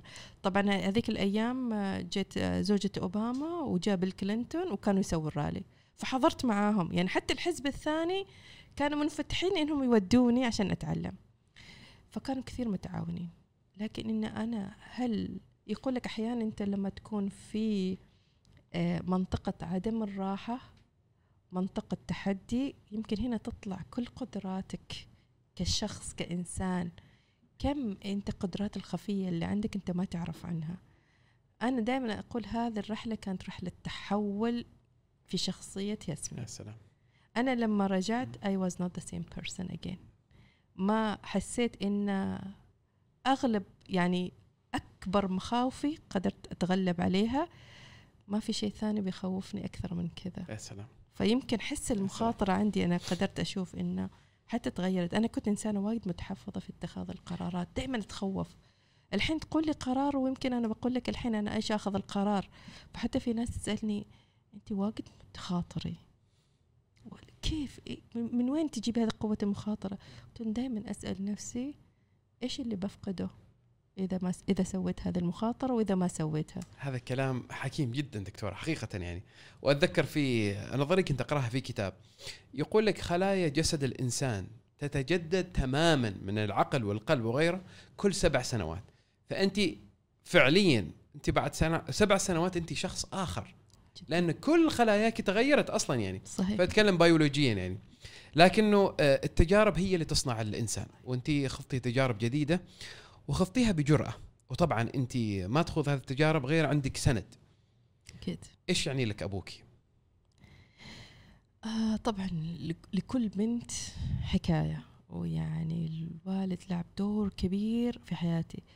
إحنا علاقتنا يمكن من أقوى العلاقات كأب أب وبنته في نفس الوقت من أصعب العلاقات لأنه من كثر خوفه علي في كل خطوة كان يحط لي عائق على أساس إنه يحميني. الجامعة ما تروحي الجامعة لا. هذول الناس بعد الناس ما عرفت تفكر فيك إيش. لما جيت ماجستير أنت مالك ومال السياسة يا والد؟ الماجستير ما له علاقة بالسياسة. آه، لما جيت دكتوراه من كثر خوفي إنه بيوقفني قلت له ترى بكرة مسافرين؟ سويتي فيهم نفس يسويوا فيك إيه، كذا ف آه، آه، من كثر المحبة يمكن من أكبر تحدياتي اللي صقلت شخصيتي تحدي والدي لي في كل interval إنه لا لا خلي هذول الناس تانيين إحنا الناس على قدنا وإيش دخلي في س... فكان كونسبت مجز... أنا سويت ماجستير في أوقات لسه ماجستير. Is a big thing. فلما رحت دكتورة قلت لا هذا ما بيخليني أروح أصلا خير شر. مو خبر اللي قبلها بيوم. بس بأمانة I know deep heart إنه إذا في شخص يعني أكثر شخص يثق فيني على وجه هذه الأرض هو الوالد. والدليل إنه الحين يمر بوعكة صحية. لكن يعني آه، عنده آه، مرض السرطان وياخذ طبعا الكيمو وكذا. في كل جلسة ما يطمن إلا إذا أنا أكون موجودة. مع إنه ممكن الجلسة حد من إخواني يكون معاه وكذا بس يحس بثقة. آه، هي موجودة أنا واثق. فهذاك العلاقة اللي بيننا فهمت علي؟ صحيح إحنا يمكن في فترة فترات واجهنا واجد تحدي. بس آه، الوالد والوالدة دائما أقولهم هم ال backbone العمود الفقري للشخص. وأنا بالنسبة لي هم العمود الفقري. يعني يمكن هم شكلوني أنا كشخص من خلال محطات مختلفة. ويمكن هذه محطات ما تكون سهلة. يعني ما دائما محطات آه، سهلة تخطيها. في محطات صعبة. يعني محطة إني أدخل الجامعة كانت محطة جدا صعبة بيني وبينه. تحدي بيني وبينه. إنه لا وأنا لا أنا أحتاج أريد أدخل الجامعة وكذا وكذا. فخذيته بتحدي وطيب أنا ما بتدخل في هذا البروسيس. فأنا حتى يمكن هذه القصة قلتها في برامج أخرى يعني. واحدة من الأشياء اللي عمري ما راح أنساها وقفتي في الشارع العام أوقف تاكسي عشان أروح أسجل في الجامعة وأشيل الوالدة معايا وتجلس معي يوم كامل لحد ثاني يوم إدارة الجامعة عطتنا باص وكذا. فهو يمكن كان يريد يصعب الأمور على أساس إنه هي تغير فكرتها يعني. فهمت؟ هذه من المحطات الصعبة بيني وبينه يمكن جلس شهرين ما يكلمني يعني. كانت محطة صعبة لكن انت دخلتي بإصرار أيوة. وبوعي وعندك نظره مستقبلية طبعا أيضا طبعا طبعا. وبعدين عبد الله ما راح أنسى مثل ما أنسى هذا الموقف ما راح أنسى لما رجعت من السفر من الدكتوراه وفتحت الشنطة وقلت لهم هذه صورتي. ترى قبل الدكتوراه يسوي لك صورة آه، تخرج كذا؟ قبل ما تحضر التخرج. على أساس إذا ما حضرت التخرج عندك صورة تخرج. فصورتي وأنا ماسكة شهادة كذا. فشافها واختفى كذا شوية. وإحنا عاد انشغلنا مع الوالد ومع الوالدة وها وعلوم وأخبار وكذا وكذا. ونشوفه بعد شوية راجع مبروز هذه الصورة. وراح يدور في البيت كذا. يعني دخل علينا الصالة. بعدين راح المجلس مجلس الرجال. راح حط الصورة هناك. فأنا حسيت نا- الحين إحنا وصلنا لهدنة أنا. وهو. بعد هذه السنوات كلها من إنه لا تدخلي الجامعة لحد أنا جايبة الدكتوراه وحب يحط هذيك الصورة في المجلس. إحنا مجلس الرجال تعرف العمان إحنا ما ندخل صور امرأة أو بنات أو كذا. هو هذاك السبوت بغى يحط فيها الصورة وحطها هناك وما زالت هناك. فما تكلمنا عنها لكن هي كانت الهدنة آه إن هي مصرة كل مرة تسوي شيء آه هو والد يخاف قد يحاربوها الناس قد تدخل في مجال. هو كان عنده هذيك الأيام فكر إن كل ما تعلمت فكريا الناس راح يعادوها آه، لأن هي بت آه، بتعادي بفكرها المجتمع. كان في أفكار مغلوطة عن التعليم العالي والتعليم لما أنت خاصة امرأة وتدخل في هذاك الدرجة. طبعا أنا أتكلم في حقبة التسعينات والثمانينات. This is a big thing يعني. فلكن أرجع وأقول هو العمود الفقري. وأكثر شخص وضع فيني ثقة من لا ثقة. هذه التحديات اللا ثقة يمكن عشان يزرع فيني الثقة. فالتشكيلة اللي أنا صرت فيها كقائد كمسؤول حتى في المنزل على فكرة أي قرار أخوان حتى هو أي قرار يرجع فيها لي هذه الثقة اللي بناها آه، باللا ثقة اللي هي التحدي أتوقع هي صقلت جزء كبير من شخصيتي بما أنا عليه اليوم. بعدين خلتك انت الأم انت المحاضرة انت المدربة فكون لك مجموعة كبيرة من العناصر. دكتور إحنا خلصنا ال- الانترفيو. بس أبغى تعطيني آه، أو تعطي الشباب والبنات كلمة توجههم فيها. أنا يمكن هذا الكلام مثل ما أوجهه للشباب. أنا عندي ترى شابين في البيت أولادي وأقول لهم نفس الكلام. الإيمان بالنفس. إيمان بالقدرات. لكن لا تنتظر لا تنتظر الفرصة تجي لك. اسعى لها خذ كل أي فرصة تجي لك تاخذها. في لحد ما توصل لهذيك الفرصة اشتغل على نفسك. أنا اليوم موجودة ويمكن صرت عميدة كلية وعندي بي اتش دي وما أعرف إيش واخذت هذا المنصب هذا. عبد الله لحد اليوم أنا أتعلم. كل سنة أسأل نفسي إيش اللي أريد أتعلمه هذه السنة؟ أنا شيء ما أعرفه وأدخل مجال أنا ما أعرفه وأدرس فيه. لحد الاولاد يسألوني أنت متى تخلصي هذا. قل له عمره ما يخلص. فالشباب لازم يسعى لازم يحط جهده ووقته وفكره في أشياء. يعني هذه اللي توصله للهدف اللي ها أي فرصة تجي لك اغتنمها اغتنمها في شيء تستثمر فيه هذا الوقت والجهد والفكر. لا تنتظر فرص تجي لك. أنت ابني هذه الفرصة لنفسك. أنت افتح هذه الآفاق والأبواب لنفسك. وهذه كلها تيجي من ثقتك لنفسك. لكن هذه الثقه يبالها زرع مثل البذور. لازم تزرعها كل ت- تزرعها بالعلم تزرعها بالخبرات تزرعها بالعلاقات تزرعها بالمجتمع.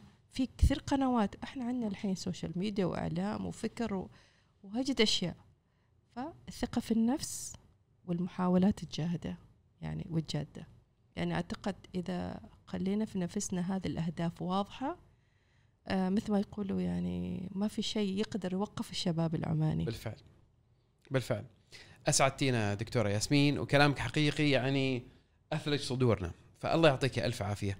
وبإذن الله تعالى نحن نبقى دائما ساعين كشباب. وشابات اللي اللي عندهم طموح والشباب العماني عنده الكفاءة والإمكانيات. أكيد. بس مرات آه، نحتاج توجيه وأحتاج مثال للانسان الطموح المجتهد نفسك أنت يا صحيح. دكتورة.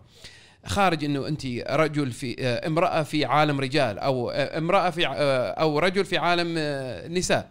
لازم يكون الشخص تخلي كفاءاته وإمكانياته وقدراته تتكلم عنه قبل لا يوصل حتى المكان. المعين. فممكن الفرص أيضا تجي وحدة. أنت الفرص تجيك دكتورة لأنك أنت وضحتي وصرحتي بكفاءاتك.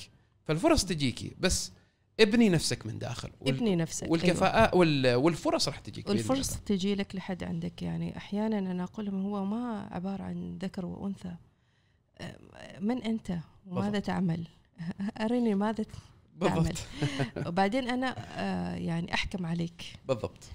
فالله يوفق الجميع ويعني آه، أنا عندي ثقة كبيرة في كفاءتنا العمانية. يعني هذه البرامج الوطنية. علمتني كثير عبد الله وصار ثقتي أكبر وأكبر في الشباب العماني. بأمانة أنا. جالسة أشوف المستقبل يعني جميل وإيجابي. إذا في هذه العقول موجودة تصور إحنا كل مرة نبنى نبني قاعدة كل مرة نبني عليها قاعدة. هذا الشباب العماني يعني I can see المستقبل بالنسبة لنا ما له حدود. صحيح. بأمانة. أنا أتفق. وشاكرة لك هذه الفرصة الله يعطيك الف عافية. نورتينا وآنستينا. وأنا يعني sorry على الإطالة بس في بعض الأسئلة كان لازم أحكيها بطريقة نحن أنت. معي بودكاست قهوة مع عبد الله خذي راحتك دكتورة. وأنت لك معاملة VIP شكرا جزيلا. وجدا فخورة فيك عبد الله ويعني بالعمل اللي تقوم فيه وإسهاماتك. أنت من الشباب العماني الطموح ما شاء الله اللي لينا ثقة كبيرة فيها. والقادم أجمل وأنا دعيت لك كل الخير إن شاء الله في في المرحلة القادمة. آمين آمين والخطوة اللي خذيتها في ال- اللي قادمة إن شاء الله وأتمنى لك كل التوفيق بإذن الله. يعطيك ألف عافية دكتورة. كانت معنا دكتورة ياسمين بلوشي ومقدمكم عبد الله الهناي. شكرا جزيلا جميعا.